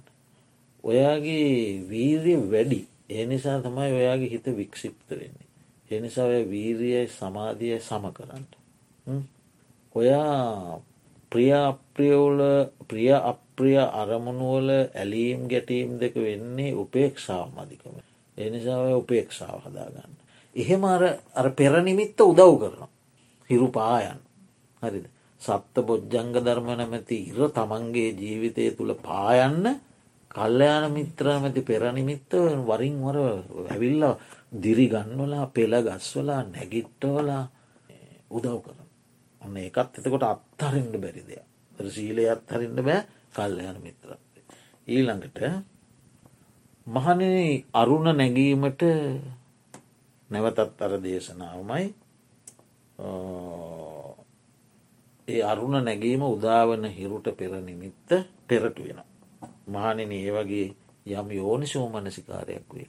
මෙය බොජ්ජංග ධර්ම ඉපදීමට පෙර නිමිත්තයි. යෝනිසෝ මනසිකාර. සිහිනුවනින් යුක්තව නුවන වැඩෙන ආකාරයෙන් මනසිකාරයේදී. සිහියත් නුවන දෙක වැඩෙන ආකාරයෙන් මනසිකාරය පැවැත්ම. ඒ තුන ඔය කරුණු තුන හොඳට මතක තියාගන්න සීලය කල්ලයන් මිත්‍රය සුර යෝනිසෝ මනසිකාරය හැම්ම බොජ්ජංගයකටම උපකාරක ධර්මතුනක්. ඊළඟට අපිට පිරිවානා පොත් වහන්සේගේන සූත්‍ර දේශනා තුනත් තියෙන බොජ්ජංග සූත්‍ර දේශන එක්කොම තියෙන සංයුක්තනිකයි. ඒ පිරිත් මේ පොතෙන් තමයි සංයුක්ත නිකා පිරුවානා පොත් වහන්සේට සූත්‍ර අරන්තියන ත්‍රිපිටකෙන්නේ එතකොට බොජ්ජංග පිරිත් දේශනා තුනම අරන්තියන්න සංයුක්ත නිකායි. ඒක දේශනා කළේ තතිය පටම ගිලාන දුතිය ගිලාන තතිය ගිලාන කියලා තමයි සංයුක්ත නිකාය තියෙන්නේ. මහාකාශ්‍යප මහරහතන් වහන්සේ වැඩ ඉන්න වෙලාවේ මහාකශ්‍යප මහරහතන් වහන්සේ ගිලං වෙලානි. ඒ වෙලා බුදුරජාණන් වහන්සේ පිප්පලි ගුහාාවට වැඩම කරලා මේ බොජ්ජංග ධර්ම හත ඇතුළත් කොට පිරිතක් කියන්නේ දේශනා කරන කාශ්‍යයපයනි මේ සති සම්බෝජ්ජන්ගේ මා විසින් මැනවින් පවසන ලද්ද වඩන ලද්දේ බහුල කරන ලද්දේ විශිෂ්ට ඥානය පිණිස මනා අවබෝධය පිණිස නිවන පිණිස පවතිී කියලා ඔය විදියට ඒ සප්ත බොජ්ජන්ගයන් දේශනා කරාම කාශ්‍යප මහරහතන් වහන්සේ ගිලම් බවෙන් නැගී සිටි. ඊළඟට මහා මුගලම් මහරහතන් වහන්සේටත් ඒ බොජ්ජංග සූත්‍රයම දේශනා කර. එලාට බුදුරජාණන් වහන්සේ ගිලං වුණ වෙලාවේ මහා චුන්ද මහරහතන් වහන්සේ බුදුරජාණන් වහන්සේ ළඟට ගිහිල්ල බුදුරජාණන් වහන්සේ මුණ ගැහිලා උනාට පස්සේ බුදුරජාණන් වහන්සේ චුන්ද ස්වාමීන් වහන්සේට දේශනා කරන චුන්දය නුබට සප්ත බුද්ධංග වැටහෙත්වා කිය. ඉට පස්සේ චුන්ද ස්වාමීන් වහන්සේ දේශනා කරන වහන්ස මේ සප්ත බොජ්ජංග කෙනෙක් භාග්‍යවතුන් වහන්සේ විසින් මැනවින් පවසන ලද්දාහුද වඩන ලද්දාහුද බහුල කරන ලද්දාහුද විශිෂ්ටත් ඥානය පිණිස මනා අවබෝධය පිණිස නිවන පිණිස පවතිනවා කියලා බොජ්ජන්ග එකින් එකට විස්තර කරාම බුදුහාන්දුරෝ දේශනා කරනවා චුන්දේන මේ බොජ්ජන්ගේ ඒ කාන්තයි. ඒ කාන්තයි කියලා ඊට පස්සේ බුදුරජාණන් වහන්සේ ගිලංකමෙන් නැගී සිටිනවා කියලා. ඔව කියනවනේ හසනීපුුණා ඒ පිරිත් තුනම තියෙනවා පිරිවානා පොත්වහන්සේ. ඊළඟට ඔන්න දේශනා කරනවා මේ අපාරා පාරංගමනාය සංවත්තති. ඒ කියන්නේ මෙතරින් එතරට යන්න. මෙතර මෙතරින් එතරට යන්න. අපි කියමුක විශාල සැඩ පහරින් යුක්ත ගඟක් කියල්. ඒක මෙතර බිය සහිතයි. එතර නිර්භය සහිතයි. ශේම භූමියක් කිසි කරදරයක් නෑ. නිදහස් බිමක් එහා පැත්ත. හැබැ මෙහා පැත්ත වන රකුසන්ගෙන් පිරුණු සොර සතුරන් ගහන පීඩාකාරී පැත්තක් මේ පැත්තිතිී. ඒ මේ පැත්ත තමයි සසර එහා පැත්ත නිවන. එතවට ඒ මෙතර ඉඳලා එතරට යන්න එහා පැත් අංග නිකම් මං එහා පැත්තට යවේවා කිව්වට යන්න මං එහා පැත්තට යවේවා කිව්වට යන්න තුට මෙතරින් එතරට ඒම පිණිස බුදුහාමුදුරු දේශනා කරන මේ සත්ති මේ භික්කවේ බොජ්ජංගා භාවිතා බහුලී කතා අපාරා පාරංගමනාය සංවත්තති. මානෙන මේ සප්ත බොජ්ජංග කෙනෙක් වඩන ලද්දාහු බහුල කරන ලද්දාහු නම්. මෙතරින් එතරට යෑම පිණිස පවති. එකන මෙතර නම් වූ සසරෙන් ගොඩ වෙලා නිවන නම් වූ එතරට යන්නට හේතු වෙනයි කියන. සප්ත බොජ්ජං. ඊළඟට දේශනා කරනවා මහනෙන යම් කිසි කෙනෙක් විසින්. සප්ත බොජ්ජංගයෝ වරද්දන ලද්දේ නම්. එ වැරද්දුව. ඔවුන් විසින් මැනවින් දුක් ගෙවීමට යන ආර්ය මාර්ගය වරද්දන ලන්දේ. එක දුක් ගෙවීමට යන මාර්ගයක් තියෙනවා. මේ මාර්ගයේ ගියොත් දුක් ගෙවිල යන. ආර්ය මාර්ගය. එතෝට යම් කෙනෙක් බොජ්ජංග ධර්ම වැරද්දනවා කියලා කියන්නේ එයා මේ මාර්ගය වැරැද්දුව. මාර්ගය වරද්දගත්. වැරදි මාර්ගයක්. ඊළඟට දේශනා කරනවා මහනෙන මේ බොජ්ජංග ධර්ම කෙනෙක් වඩන ලද්දාහු බහුල කරන ලද්දාහු ඒ කාන්තයෙන් නිර්වා නිර්වේදය පිණිස නිබ්බිධා කියල අපි ගැන කලකිරීම. සසර ගැන කලකිරීම. මේක වඩනකොට එන්නේ බොජ්ජංග වැඩුවොත් වැඩීමෙන් එන්න නිබ්බිධාවයනවා. සසර කලකිරීම. විරාගාය නොඇල්ම ඇතිවෙන. නිරෝධාය දුකින් නිදහස්වීමේ අදහස තිවුණු වෙනවා. උප සමාය ක්ලේෂයන්ගේ සංසිදීම ඇතිව. උපසම සුකය කියලක. අභිඤ්ඥාය විශිෂ්ට ඥාන ඇතිවෙන විදර්ශනාඥාන සම්බෝධය චතුරාර්ශත්‍ය අවබෝධි නිබ්භානාය නිවන. ඔන්න එතවට බොජ්ජංග වඩනවනම් කලකිරීම නොයල්ම දුකින් නිදහස්වීමේ අදහස කෙලෙස් සංසිදීම විදර්ශනා ඥාන චතුරාර්ය ශත්‍ය අවබෝධය නිවන. පටිනිස්සක්ගන නිබ්බිදා විරාගා නිරෝධ උපසම. අභිඤ්ඥාය සම්බෝධය නිබ්බානාය සම. නිබ්බිදා කලකිරීම නොයල්ම නිරුද්ධවීම ඊළඟට ක්ලේෂයන්ගේ සංසිදුන ස්වභාවේ සතුරා විශිෂ්ටඥාන අභිඤ්ඥා කියන විශිෂ්ටඥාන. චතුරාර්ය ශත්‍ය අවබෝධය සම්බහෝදාය නිබ්බානාය නිවන. බොද්ධංග මේ සූත්‍රයනේ අපි ඒකක් කරම. විශිෂ්ටඥාන කියලා කියන්නේ විදර්ශනාඥාන සහ මාර්ගඥාන. නව මහා සම්මස්සන ඥානයත් එක්ක දහයයි. උදයව්වේ පළමුුවෙන්ම තියෙන සම්මස්සන ඥානය ඒ ඇන සම්මස්සන ඥානය කියන්නේ නාමරූප පරිච්චේද ඥානය. ඒකෙන් තමයි මේ ඒකත්වයෙන් සලකන දේ බෙදන්න. බෙදල වෙන්කොට බල ඕ වෙන්කොට බලන්න පුරුදු වෙන. එතකොට එක ඒකෙන් තමයි දික්ටි විශුද්ධිය සම්පූර්ණ විදර්ශනාව මුල මුල පටන් ගැන්ම ආරම්භේ. මම මමය අනිකාය සතාය පුද්ගලයාය කියලා බලන මේ ලෝකය සත්ව පුද්ගල සංඥාවෙන් අපි කවුරුත් බලන්න. ඒ. සත්ව පුද්ගල සංඥාව බිඳලා බලනවා මේ කවුද මේ සත්වය කිය බිඳිනවා. ලනෑ ඔවු. සම්මුති සත්‍යය අපි අපි සම්මුති සත්‍යයන ඒ සම්මුති සත්‍යය බිඳලා බලන්න පටන්ගන්න තැන තමයි සම්මස්සන ඥානය. හෙවත් දික්ටි විසුද්ධි හාමුදුන එක නාමරූප දෙක දෙක බෙදාගන්නවා බෙදාගෙන ඒක බලන්න පුරුදු කරනවා.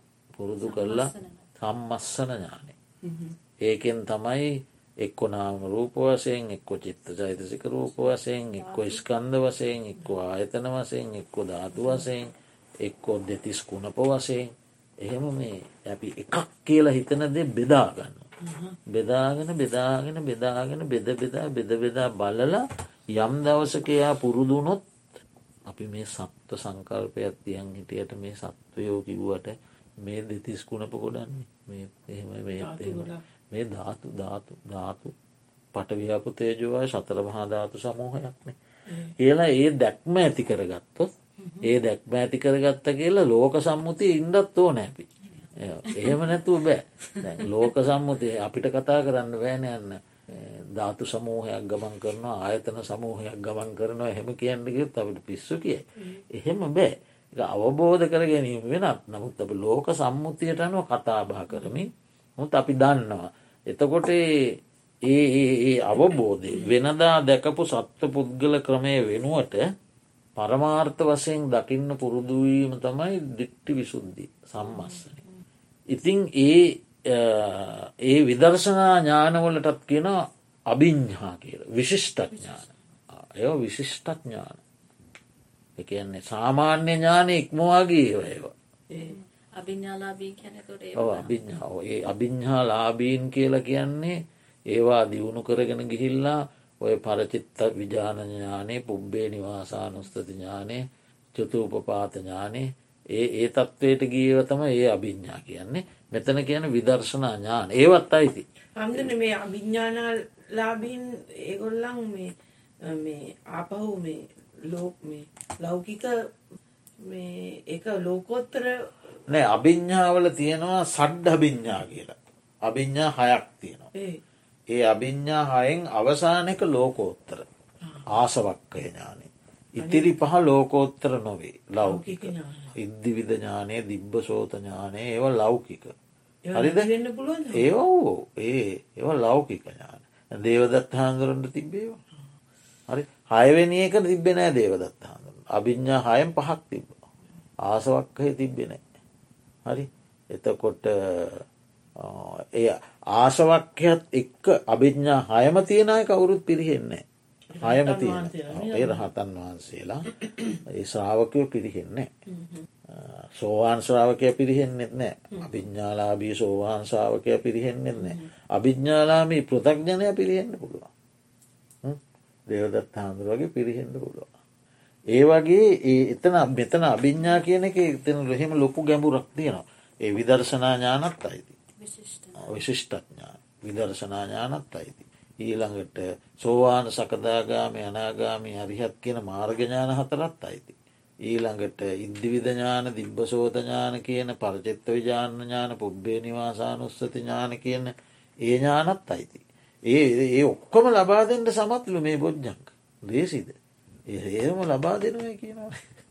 මේක වටනවනං ඒ සියලුම අභිඤ්හාවනුත් ලැබිලත් චතුරාර්ය ශක්්‍ය අබෝධයක් ලැබිල නිර්වාණය පිණිසත් පවතින නිර්වාණයක් ලබාද කියල දේශනා කර. ඉතිං මේ එක්තරා ස්වාමීන් වහන්සේ නමක් බුදුරජාණන් වහන්සේකින් අහනෝ වහන් ස්වාමීනී භාග්‍යවතුන් වහන්ස බොජ්ජංග බොජ්ජංග කියලා කියන. මොකද මේ බොජ්ජංග කියල කිය. බුදුහාදුරු දේශනා කරනවා බෝධාය සංවත්තන් තීති. අවබෝධය පිණිස පවතින නිසා. අවබෝධය පිණිස පවතින නිසා බොජ්ජංග නම් වේ. ඒ හපු ප්‍රශ්නය රිජ්ජු අන්න ඒවට තම අර කෙලින් පිළිතුරු දෙන ප්‍රශ්නය ඒව බෙදන්ඩ දෙයන්න ඒ ඇහුවේ මොකටද මේ බොජ්ජංග කිය තනි පිළිතුර. එතන බෙදන්න නෑ සමහර ප්‍රශ්නවලදි බුදු හාන්දුරුව එයාට එක එහෙම දීල මදි. එක බෙදනවා. අවබෝධය. දැන් කවරුහරයවුත් මොන අවබෝධය? චතුරාර්ය ශක්තිය තව කවරුහරයවුත් නිර්වාණ අවබෝධය. එම අවබෝධ මුළු මහත් ලෝක සත්වය යථාර්ථ අවබෝධය සත්‍ය අවබෝධය. නේද? කොච්චර අර්ථ දෙන්න පුළුවන් පරමාර්ථ සත්‍ය අවබෝධය. අවබෝධය පිණිස පවතින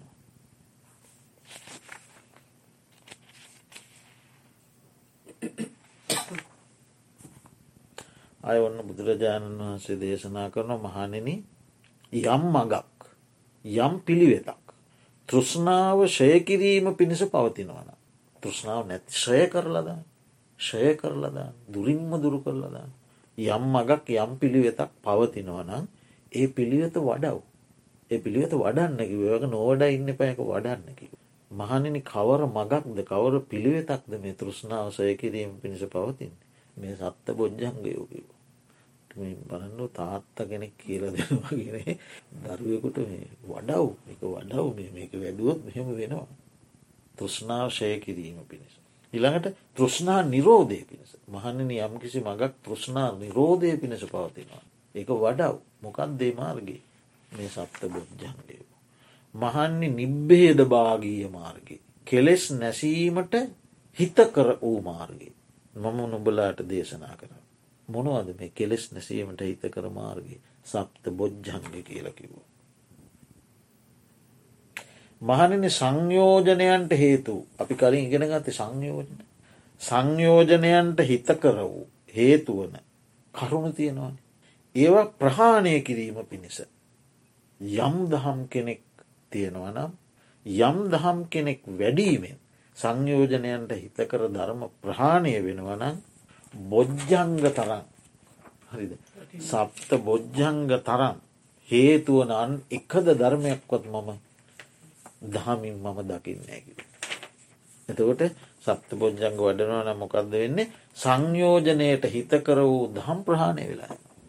මම දකින්නෑකුව වෙන එකම ධර්මයක්වත් බොජ්ජංග තර. කොම ප්‍රහාණය වෙලා යන. දැන් ඉතින් මේ තවනම් ගොඩක් තියෙනවා දැන් කොහොමද වෙලා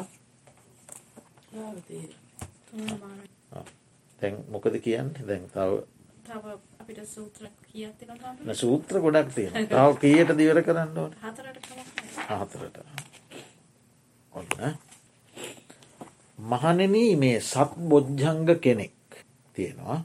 ඒවා අවුරන්නේ නෑ අවුරන්නේ නෑ කිය කුසල් මඟ වහන්නේ නෑ සප්ත බොජ්ජංග කුසල් මඟ වහන්නේ නෑ එතුර කුසල් මඟ වහනයවට මොනවද කියන්නේ? නීවරණ. එව වහන සප්ත බොජ්ජංගෝ අවුරන්නේ නෑ. ඊළඟට වසන්නේ නෑ.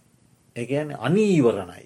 තකොට අරව නීවරණයි බොජ්ජංග අනීවරණයි. අනීවරණ ගැන නිවන් මඟ වසන්නේ. කුසල් මඟ වසන්නේ ආවරණයි. හරි? අනාවරණයි. නිවන් මඟ වසන්නේ අනීවරණයි. ඊළඟට සිත කෙලෙසන්නේනේ නීවරණෝලින් සිත කෙලසනවා. කුසල් මඟ වහනවා නිවන් මඟ වහනවා සිත කෙලෙසනවා. බොජ්ජංගවලින් වහන්නේ නෑ කුසල් මඟ නිවන් මඟ වහන්න සිත කෙලෙසන්නේ නෑ ඒ වගේම විද්‍යා විමුක්ති පල අවබෝධ කිරීම පිණිස පවති. ඔන්න එතින්දි කරුණු හතරක් දේශනා කරන. ආවරණයක් නෑ නීවරණයක් නොවේ සිත කෙලෙසන්නේ නෑ වැඩුවොත් බහුල කළොත් විද්‍යා විමුක්තිය සාක්ෂාත් කරලා දෙන. නීවරණ තුළ නීවරණයන්ට ප්‍රතිවිරුද්ධ පැත්ත අපි බොහෝදුරට සමාජය කතා කරනන බුද්ධිය ඔන්න බුදුහාමුදුරු බුද්ධහා කියන වචනය මරන් දේශනා කරනු. බුද්ධියා අපරිහානීය අප අපරිහානාය සංවත්තති. බුද්ධිය පිරිහීමට පත් නොවීම පිණිස මේ බුද්ධිය කියන එකත් පිරිහෙන දෙයක් හොඳිද බුද්ධිය පිරිහෙන්නේ හැඟීම් වලින් කෙලෙස් වලින් බුද්ධිය පිරිහෙන. එතවට මේ බුද්ධිය පිරිහෙන්නේ නැතුව පවත්වා ගන්න. හේතුවන ධර්මයක් කියන බොජ්ජ. පිරිහෙන්නේ බුද්ධිය එන්න එන්න වැඩෙන. අන්න නීවරණ ගැන තියෙනවා තැන. මානෙන මේ අවුරන්නෝ පස් දෙනෙකි. වසන්නෝ පස් දෙනෙකි. සිත කෙලෙසන්නෝ පස් දෙනෙකි. නුවන දුබල කරන්නෝ පස් දෙනෙකි. නීවරණ. මොනවද කරන්නේ අවුරනවා වහනවා සිත කෙලෙසෙනවා නුවන දුබල කරලදාන. ඕ තේන මින්ද උද්දජක මහනෙනී එතකොට ඒක අනිත් පැත් අපිට ගන්න පුළුවන් මේ සූත්‍රයක නැහැ නමුත් අපිට ගන්න පුළුවන් අවුරන්නේ නැති වසන්නේ නැති අරිසල්ල සූත්‍රය ගත්ත අපි කෙලෙසන්නේ නැති නුවන දුබල නොකරන බුද්ධිය පිරිහීමට පත් නොකරන ධර්මයෝ තමයි සති ධම්ම විචේ විරිය පීති පස්සද්දි සමාධි උපෙක්කා. ඔන්න බොහෝම හොඳ දෙයක් හොඳ අනිත්තේවත් හොඳයි මේක සාර් බොහොම හිතන්ට සුදුසු තැන. මහනෙන යම් කලෙක අරිසෞතෙමි එතන අරිසව් කියලා අරිය සාාවකු අරිය සාාවකෝ තෙමේ බලාපොරොත්තු සහිතව මෙනෙහි කොට මුල්ලු හිතින් මෙහෙයා යොමු කළ කං ඇතිව දහම් මසාල්. ඔන්න ධර්මය ඇසිය යුතු විදියක් කියන ඇතන බලාපොරොත්තුවක් තියෙන. දහම් මැසීමෙන් වෙනත් වෙනත් දේ බලාපොරොත්තුවෙන් නෑන බලාපොරොත්තුවය ප්‍රබලව ඉන්ඩෝනෑ මම අද මේ දහමින් තතාගතයන් වහන්සේගේ ධර්මය මට නොවැටහෙන තැන් මම අවබෝධ කරගන්න. එල බලාපොරොත්තු සහිතව. හොඳ යහපත් බලාපොරොත්තු සහිතව මෙනෙහිකොට හොඳ මනසිකාරයෙන් යුක්ත. මුල්ලු හිත මෙහේවා එදහමටම හිත මෙහේවා. යොමු කළ කං ඇතිව. යොමු කන හොඳට ධර්මයටම යොමු කරලා දහම් මසාද. එසමයෙහි ඔහුට පංච නීවරණයෝ නොෙත්. ඒගැන පංච නීවරණ මුලින්ම නැති වුණා කියලනම මේ කියන්නේ ඒ වෙලාවේ පංච නීවරණ යටපත්ත පංච නීවරණය නොවෙත්. එසමයෙහි සත්බොජ්ජන්ගයෝ වැඩීමෙන් පිරීමට යත්. ඔන්න හරියට ධර්මය ඇහුවොත්. යොමු කළකං ඇතිව බලාපොරොත්තු සහිතව මෙනෙහෙකොට මුල්ලු හිත යොමු කරලා. ධර්මය ඇහුවොත් වෙන්න මොකක්ද නීවරණ යටපත්වෙන. බොජ්ජංගයෝ වැඩීමෙන් පිරීමට පත්වෙන. ඊට පස්සේ ඒ ටික විස්තර කිරීම තියෙන්නේ. ඉතින් ඒක එන්න එක එක තැන. දැම් පැහැදිලී නේද? ඒ කාලේ සමහර ශ්‍රාවකය. දැම් මෙතන දින අරිය ශාවකෝ කියල වචනයකුත් තියෙන උසස්ශ්‍රාවකය බොහෝ දුරට සමහරවිට සෝවාන් වෙලා සෙසුමාර්ග ලබන්ඩ තියෙනවා. එහෙම නැත්තම් ධර්ම මාර්ගයේ කල්්‍යයාන මිත්‍රය හොඳට ඇසුරු කරලා නිශ්්‍රය කරලා ඒ ධර්ම මාර්ගය හොඳට ඉගෙනගෙන ඒක යම් දුරකට මේක පුහුණු කරලා තියෙන ශ්‍රාවකය. එයා දැන් එයාට වෙන බලාපොරොත්තු නෑ. එයාගේ ඉලක්කේ ධර්ම අවබෝධයමයි. හරි වෙන බලාපොරොත්තු නෑ එයාට. එහෙම ශ්‍රාවකයෙක් තවත් ශ්‍රාවකයන් වහන්සේ නමක් දේශනා කරන ධර්මය හගනින්නවා.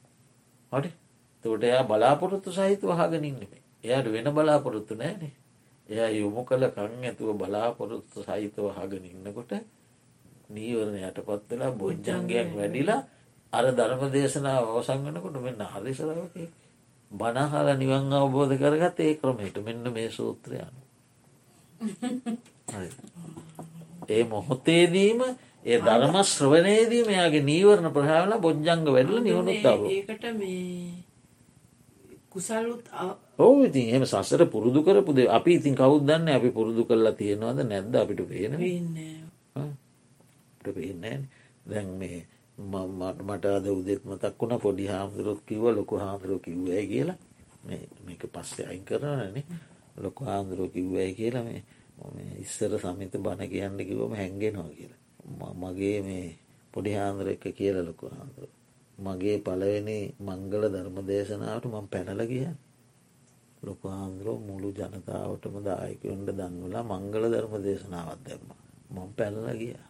මං හිත හෙදි නෙමේ මහන වෙච්ච අලු ඕ මහන වෙච්ච අලුත. ඉතින් දැම්මා හිතනවා හිතනවා මොකක්ද කියන්නේ? මංගල සූත්‍රයෙන් කියන්න කියනවා අසේවනාච බාලානන් කියනවා මට අදහස්සෙන්න්නෙත් නෑ. පණ්ඩිතානන්ජ සේවනා ස්වාමීන් වහන්සෙන වගේ අයිය කෙනෙක් ඉන්නවා. ඒ සාමීන් වහන්සෙත් දැන් අපවත් වෙලා අයිය නම් මහන වෙලාද එයා තමයි බන්දලේ බෝධි පූජ හැමතියන්න හරි දක්ෂයි ධර්මයටික ඉගෙන. එයත් ඇවිල්ල පොඩි හාමුදුරුවෝ මට ඉදි කියලා දෙනවා. මංගල සූත්‍රයෙන් හොඳයි පොඩි හාමුදුරුව මංගල බන්නන බාල ආශ්‍රය කල්ලයන මිත්‍රාසේව මේ මේ කරුණු කියන්නට එයක් කියලදීල යනවා. වං ආහාකය කිය ඉදල වං ගිය අයන්ට හොරින් හිතියෙන් නෑ පන්සලි ලොකාන්දුරු පිතිවෙනින් වෙන හාමුදුරුවන්ගෙන්ල වංගෙනුවට ඉති මිනිසුව ඇවිල්ල බණ කියලදී ඉතින් එහෙම මට අදත් මතක් වුණා ඉතින් එදා මංගල ධර්ම දේශනාට පැනලගේ මම. අන්තිමට ගුවන්ගිදුලි බණ කියලන ඇමරිකාවෙත් ඇවිල්ල බණකිවන ඒ කියන්නේ පොජ්ජන් කියන මේ මේ මේවා ඉගෙන ගත්තන ආසාාවි. හමුදුනේ ඒ කාලේ ඔබවහන්සගේ ධර්මය දැන් මේ කාලෙ මේ කුසල් ඔව. දැන් මේව මම ඊට පස්සේ මම්ම තේරුම් අරගෙන මම මේවා ඉගෙන ගණ්ඩ කියන්නේ. ධර්මය මේවා ඉතින් කියවනවා කියවන තේරුණා. තර මම මේක සටහන් ගහනවා ලියනවා කියවනවා. කියවනකොට මට අර එදා බැරි වුණාට මේ මට එනවන දැන්. අදහස්. හරිද ඒ වගේ තම අරකත්. බනාහගෙන ඉන්නකොට දැන් සුප්ප බුද්ධ කුට්ටි කවුරත් සලකණ්ඩ නෑ කුෂ්ටරෝගයක් හැදිලම බත් බෙදන තැනක් වෙන්ට ඇති කියලා හිතාගෙන බත් කණ්ඩ නිගේතෙන් සුප්ප බුද්ධ කුෂ්ටිය ඊට පස්සේ බුදුහාමුදුරුව දැක්කන්න එනවා. දැම් මෙයා තමයි අද දවසේ මාර්ගා පලාවබෝධයට සුදුසු. එයාගේ ඔවු එයාගේ හිතට ගැලපෙනසේ එයාටම බණකිව අනි මිනිසු හිටිය. එයා අරමුණු කරගෙන බණකිව ධර්ම දේශනාව සංවනකොට සෝවාන්නේ. හරි ඉට පස්සේ සක්‍රදේවේන්ද්‍රය ආවකයෙන්වන වෙනත් වෙසක් මවාගෙන. ඇවිල්ල උඹ මේ අනුන්ගෙන් ඉල්ලාගෙන කමින් ජීවත්වෙන කෙනෙ උඹ දුප්පතෙක් දුගිය දීනයෙක්. උඹට මම සැපසේ ජීවත්තෙන්ට සම්පත් දෙන්නම්. බුදුහාන්දුරු බුද්ධ නොවේ කියන්න. ධර්මය ධර්මය නොවේ කියන්න. සංඝයා සංඝයා නොවේ කියන්න. එටස් එයා කිවන මම දිලින් දෙක් කියලා හිතුවට මම දැන් දිලින් දෙක් නෙවේ ඉස්සර නම් මන් දිලින් දෙ තමයි. මම දැන් සද්ධහා ධනයෙන් පිරුණ කෙනෙ සීල ධනයනුත් පිරුණ කෙනෙ මේ මේ දැන්. එනිසා නුඹතියා මේ ලෝකයා මේකතුර ලෝකයම මට දෙනවකිවත් මම මං ඕක කියන්න කිවන හරිද? එතෝට දැන් එයාට ඒ ධර්ම දේශනාවදී මාර්ග පල්ල බන්න පුළුවන් වුණේ පෙර සසර ගමනේදී එයා වඩපු කුසල් තිබුණ. අපිට පේන්න අපි දන්නේනේ දැ මම මගේ උදාහරණම කිව් යටපත් වෙලා තිබ මේ පලවෙනි මංගල ධර්මය පැනලගේ ලොකහාන්දුරු කියලා සමිතානය ඉස්සර ඉතින් බණ කියන්න ගෙනට හැන්ගෙනව කිවලු මම සිල් දෙන්නේ වන්නේ ලොක ආන්දුරු දන්නවන්නේ ලොක ආන්දුරු ම පොඩි ආන්දුරගේ ඔලොක ආන්දුරුව අවසරට හරි ආදරයකිවයි හාමුදුරන මේ අත් දැන් ඔබවහන්සේ කියන විදි අපිට පුළුවන් සමහර වෙලාට අපි දන්න අපේ අපි අපි හැමෝම ළඟ යටපත් වූ කුසල් සහ යටපත් වූ කුසල්තිය හරිද? ඒ අකුසලයෙන් මතුවීම ඉඩකඩක් තියෙනවා. සේම කුසල් මතු කර ගැනීම ඉඩ කළකුත් තියෙන මනුෂ්‍ය ජීවිතය ලැබෙන්නේ කුසල් නැත්ත කිසිම මනුස්සයකුට කියන්න බෑ පව්කාරය කියලා. පව්කාරයෝ එහෙම කියන්න බෑ. ඒ ගැන මහා පව්කාරයෝ රහත් වෙලා තියෙනවා. තිස්සමාරාමයටපු මහා මස්වැද්දා රහත්තුනෙකු මහා මස්වැද්ද රහත් වනාන ඊළඟට දැන් රහත්තුනම් අනාගාමි නිවුණේ අනාගාමි වුණ. ඉතින් දැන් රහ දැන් ඇති බ්‍රහ්ම ලෝකයක. සුද්ධවාසය ඇති දැන්.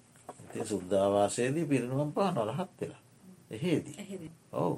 එතකොට සමහර අකුසල වේගයන් මත වෙලා මේ හොඳට හිටපු අය පිරිහිලා පල්ලහටම වැටෙන අවස්ථාත් තියෙනවා පල්ලෙහා හිටපු අය මතු වෙලා එහෙලට ගිය අවස්ථා තියෙනවා. ඒක හරි අවිනිශ්චිතයි. එහෙම කොච්චර තියෙනවා දැම්මං මුලින්ම බුත්තල බුදුගල්ලන ආරන්නේයට මහ මුලින්ම මමගේ දෙදස් එක්දස් එක්දස් නමසය අසුතුනේ ජනවාරි දහන. ආරණ්‍යයක්නේ ඒකාලි රූපවාහිනි නෑ. දුරකතන ඇවිල්ල නෑ ලංකාවට. ඔය මොකක් හරිඔය ගෙදරක මේසයක් මේස දුරකතනයක් තිබොත් මිස. ඊළඟට ටැප් පරිගණකයන්ත්‍ර මෙලෝ දෙයන්න ආරන්නයට ලයිට් නෑ. පත්තර බැලීම සපුරාදහන මමත් මම ගිහිලමෙක් වසයෙන් පත්තරයක් කිවත් කවුරුත් දානය උතාගෙනාව කොළ කැල්ලක් විතර පත්තරයක් බලන්නනේ රේඩුව එකක් අහන්ඩනෑ මොකක් කන්න සම්පූර්ණ සියල්ලෙන් වහපු පරිසරය. සියල්ලෙන් වහලා. හරි? ඒ සියල්ලෙන් වහපු පරිසරයේ ඒවකට මාත් එක් හිටපු මම ගිහිව හිටියේ ඒවකට හිටපු සාමීන් වහන්සේලාගේ මංගේ පැතුම් මහත්තයටත් කිව්වා ලොකු හාමුදුරුව හතරනම අපවත් වෙලා මේ වෙනකොට. එක ස්වාමීන් වහන්සනමක් ආරන්නේ ප්‍රතිපත්තියත් හැල්ල පන්තලකට ගිය ස්වාමීන් වහන්සල පස් නමක් සිවුරු ඇරල. දැන් අරතරන් කිසිීම හැම පැත්තෙම ආවරණය වෙච්ච පරිසරයක. රූපවාහිනයක් නෑ පත්තරයන්න කෙලෙස් ඇතිවෙන්ඩ අවශ්‍යය කරන ඒවනෑ එවැනි දායකු එක්ක සම්බන්ධතානය එක හාමුදුරනම බණකිව නැගිට්ටාව සම්බන්ධකන් කොම තියෙන පාල කළේ කම්මහත්තය ආමුදුරුව දායකව ඇතර සම්බන්ධතානෑ ඒ හැම පැත්තෙම ආවරණය කර පරිසරය හිටපුත් ආමුදුරු දම්පලස යාමුදුරු නාරම්මල වජරි බුද්ධාන්දුර හොර උපතාන යාමුදුරු ඊළඟට මතුරට හාමුදුරුව බදුල්ලේ සීල විමල හාමුදුරු ඔය පස්නමම සිකුර එල්ලගේ පස්නව. ඒ කාලෙම සිකුරදී. එතකොට ඒ කාලේ ගොල්ල බෝම හොඳට හිටපු අය. උදේ පාන්දර නැගිටලා නවා මං හදා දෙන කැඳේක වලඳනවා ලන්තෑරුණේ දැල්ලා අඩු කරල විහාරයට යනවා ලස්සන හඩින් බුදුන් වදිනවා වැඳලාපු ගමන් ඉදලා තරන්න අපපු ගානවා. එහමට පාම බණ කියනවා. වෙලා ලස්සන්ටවත් පිළිවෙත් කරන ප්‍රත්්‍යව ඒක තමයි කියන්න. අවිනිශ්චිත බව. ඒ නිසා අපි හැම දෙනා ළඟම කුසල අකුසල යටපත් වූ කුසල අකුසල දෙකම තිබීමේ ඉඩකඩ තියෙනවා. කොට සමහරයගේ මේ ඒ මාර්ගයේ වඩල පුරුදු කරපු අය මෙතන වාඩවෙලා බණ ආනෝ බණ අහල ඉවර වෙනකොට මාර්ග පල්ලාබියෙක්. අයක තමයි මේ කියන්න.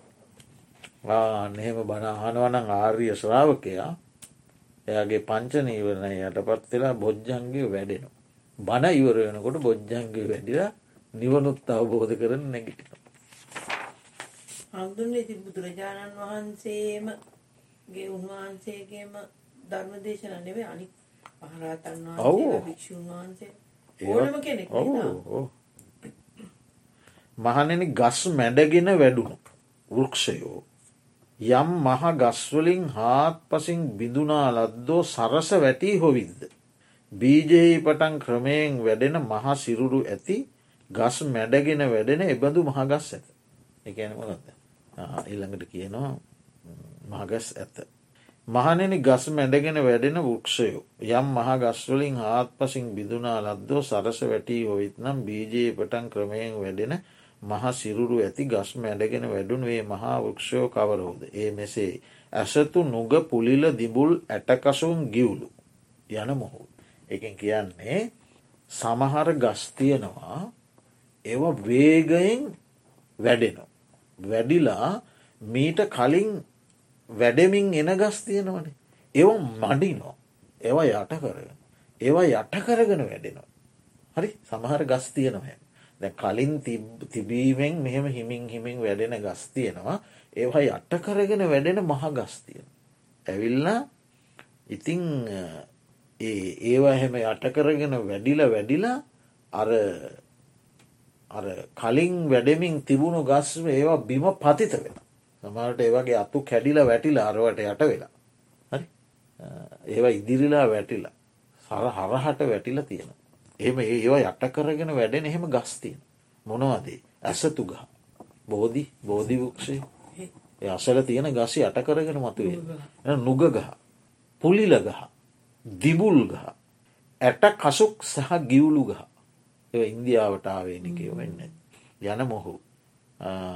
මහනිනි මෙන්න මේවා තමයි මේ මහා වක්ෂයෝ. මැඩ්ඩගෙන යට කරගෙන වැඩෙන.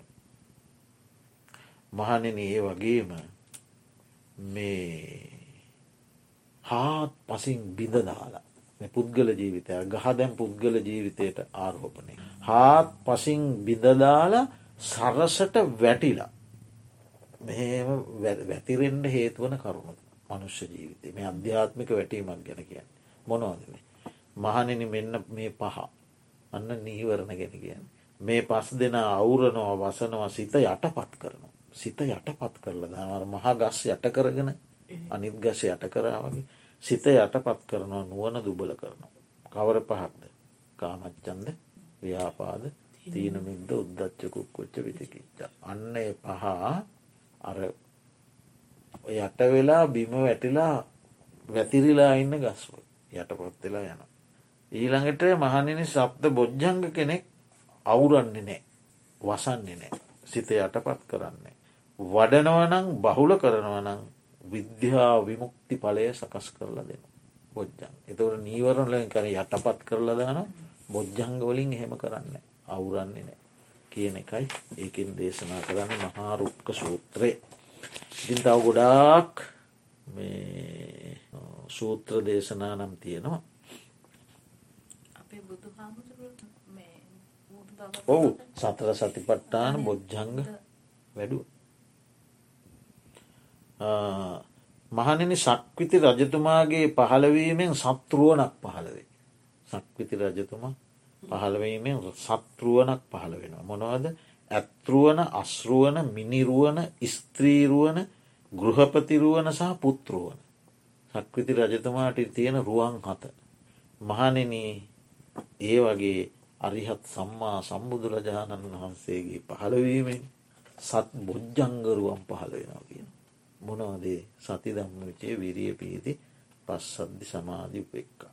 මහනෙන මාරයාගේ සේනාවේ මාරයාගේ සේනාව මැඩලන මාර සේනාව යටපත් කරන මාර්ගයක්ත්තේ. කොමක් දේ මාර්ගය සප්ත බොජ්ජන්. මාර සේනාව යටපත් කරලා මැඩලලා දාන්න පුළුවන්. එක ස්වාමීන් වහන්සේ නමක් බුදුරජාණන් වහන්සේකින් අහනවා භාග්‍යවතුන් වහන්සේ මේ අනුවනයෙක් කෙලතොල්ලෙක් කියලා කියන අනුවන කෙලතුළු කෙනෙක් මොකද භාග්‍යවතුන් වහන්සේම කිය මහනෙන යම් කිසි කෙනෙක් මේ සත්ත බොජ්ජන්ග වැඩුවේ නැත්තම් බහුල කළේ නැත්නම් එයා අනුවන කෙලතුළු කෙනෙක් කිව ඊළඟට නුවන තියෙන කෙලතුළු නොවූ කෙනා කියලා කෙනෙක් එහෙම හඳුන්නනවා නුවන හටි ඥානවන්තය කෙලතුළු නෑ කියලා කියන ස්වාමිනි මොකද එහෙම කියන්නේ කියලා එක හාමුදුර ඒ වෙන කෙනෙක් වෙන හාමුදුරුවන් එතනම හිටපු කෙනෙක් වෙන්න ඇති එයා එතින් බුදුරජාණන් වහන්සේ කියනවා මහන මේ යම් කිසි කෙනෙක් මේ සති දම්ම විචේ මේ සප්ත බොජ්ජංග වැඩුව නම් බහුල කරානං දියුණු කරානං එයාට කියනවා ඥානවන්ත කෙලතොළු නොවූ පුද්ගලය කියල. ස්වාමීනී භාග්‍යවතුන් වහස දිලිඳුවේ දිලිඳුව කියලා කිය. දිලින්දා කියලා කියන්න දුප්පත්. මේ අහන්න මේ ඔය අපේ දුප්පත් කතාවන මේ ශාසනික දුප්පත්කව. දිලින්දා දිලින්දා කියලා කියන මොකද භාග්‍යවතුන් වහස දිලින්දා කියන. බොජ්ජංග ධර්ම වැඩුවේ නැත්තම් දිලින් දෙක්කි. ස්වාමීනය භාග්‍යවන්සන්න දිලින්දෙක් නොවේ දිලින්දෙක් නොවේ. දිලින්දෙක් නොවේ නම් අනිත් පැත්මක දනවතෙක් දනවතෙක් දිලින්ද නැත්ත එයා දිලින්දෙක් නෙවෙකු එයා දනවතෙක් කොච්චර තියෙනවා ගොඩාක් සූත්‍ර තියෙන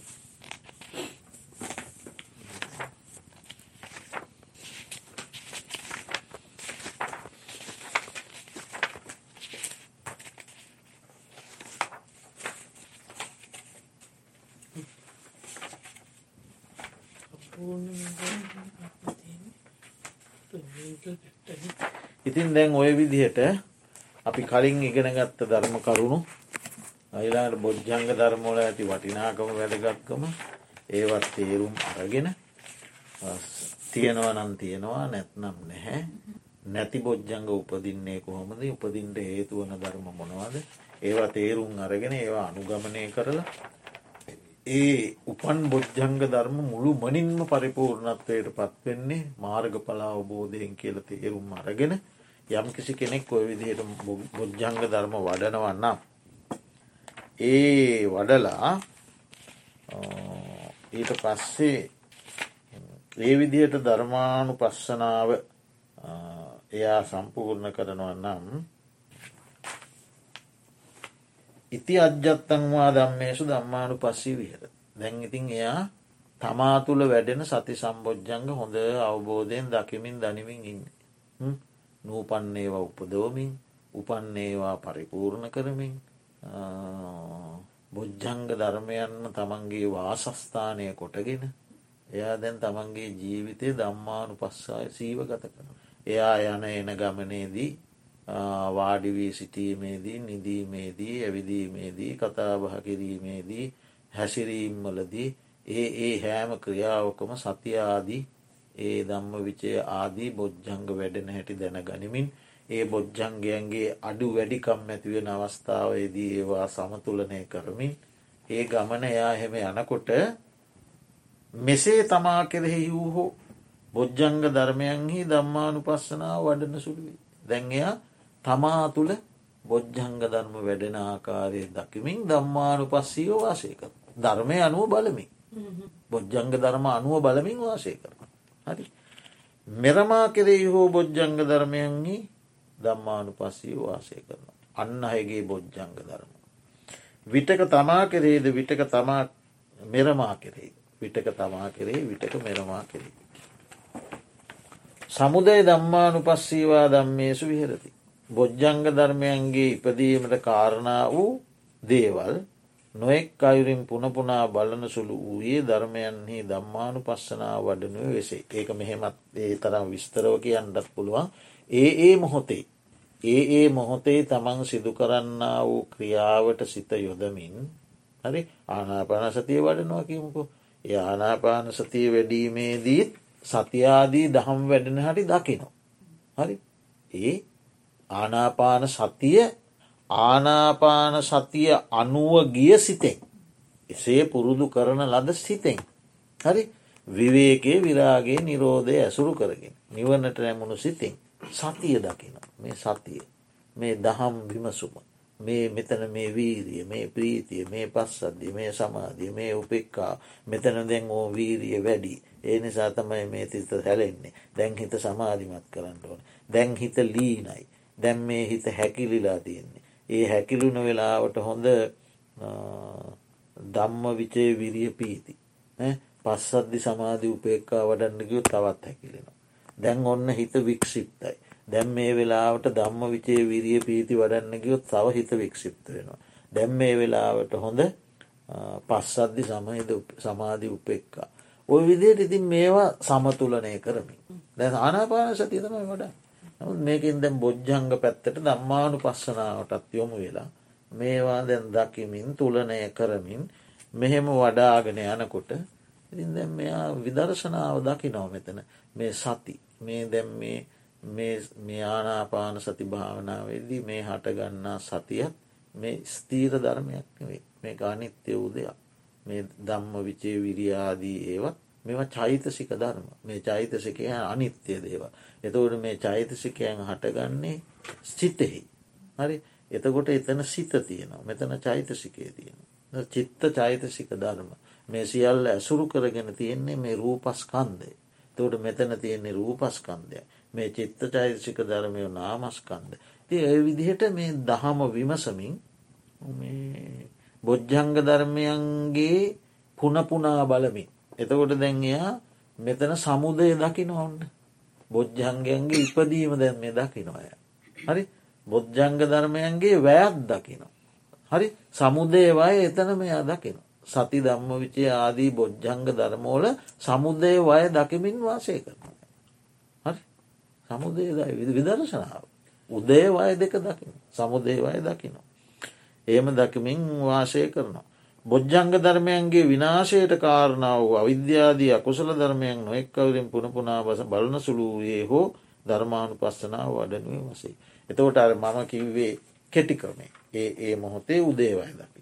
ඒවගේම ඒවට උපකාරක ධර්මත් විස්තරාත්මකොත් දකින. දකිමින් වාසය කරනවා. එතකොට අත්ති දම්මා සමුදේවය දම්මානු පස්සීවා දම්මානු පස්සේ විහෙර. විටක සමුදයද විටක වයද දකිමින් වාසය කරන. අත්ති දම්මාතිවා පනස්ස සතිපච්චු පට්ටිතා හෝති. එතවට දැන් එයාගේ සිහිය එළඹ තිබෙනවා මා දැම් මේ මෙතන මේ මොහොතේ මේ පවතින්නේ බොජ්ජංග ධර්මයන් සහිත මම මගේ මගේ ආත්මයයි ගත නොහැකි ජීවිතය. මමය මාගේ මාගේ ආත්මයයි ගත නොහැකි අනිත්‍ය දුක්ක අනාත්මාදී ලක්ෂණන්ත්‍රයට ලක්ෂණත්‍රයට ලක්ෂණත්‍රය සමඟ බැඳුණු රූපකයකුත් චිත්ත චෛතසික සමූහයකු හරි කියන එක තුළ එයාගේ සිහිය පීටන.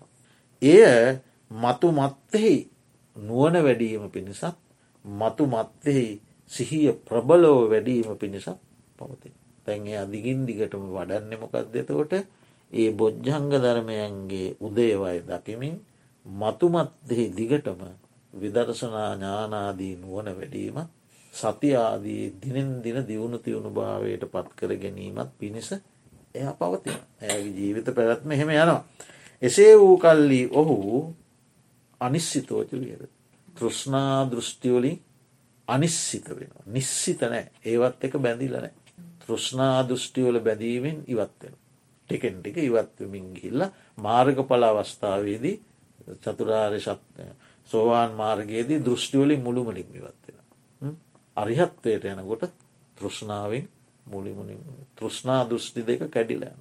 සෝවාන් මාර්ගයේදී දෘෂ්ටිය කැඩෙන. අපායගාමී තෘෂ්ණාවත් කැඩෙන. සෝවාන් මාර්ග ඥානයේදී තෘෂ්ණාවේ යම් ප්‍රමාණයක් කැඩෙනවා. තෘෂ්ණාව තියෙනවා හැබැ අපායට යන්ට හේතුවන කිසිම කර්මයක් තෘෂ්ණාව නිසා කරන්නේ. අපායගාමී පැත්ත කැඩිල යන. සෙසුමාර්ගෝලින් තවදුරටත් තෘෂ්ණාව දුරුවල වෙමින් ගිල්ල අරිහත්වේදී රූපරාග රූපරාග කියන තෘෂ්ණාත් කැරිල ගිල්ල නිවන් අවබෝධ කරන නචකින්චි ලෝකයේ උපාදී මේ ලෝකයේ කිසිම දෙයක් තෘෂ්ණා දෘෂ්ටි වශයෙන් ගන්නට හෝ අය සමත් වෙන්නේ නෑ. ඉම ඒවම්පිකෝ භික්කවේ බික්කු දම්මේසු දම්මානු පස්සී විහරති සප්තසු බොත් සම්බෝජ්ජන්ගේසු මහනිනි මහනතුව මෙසේත් සප්ත බොජ්ජංග ධර්මයන්ගේ දම්මානු පස්සීෝ වාසය කරනු ලැබේ. දෙන චතුරාර්ය ශක්ති. බොජ්ජංග ධර්ම ඉතින් දවස් ගානක් කතා කළ යුතුනත් කලින් කතා කරල නිසා අපි අදින් නිමා කළා.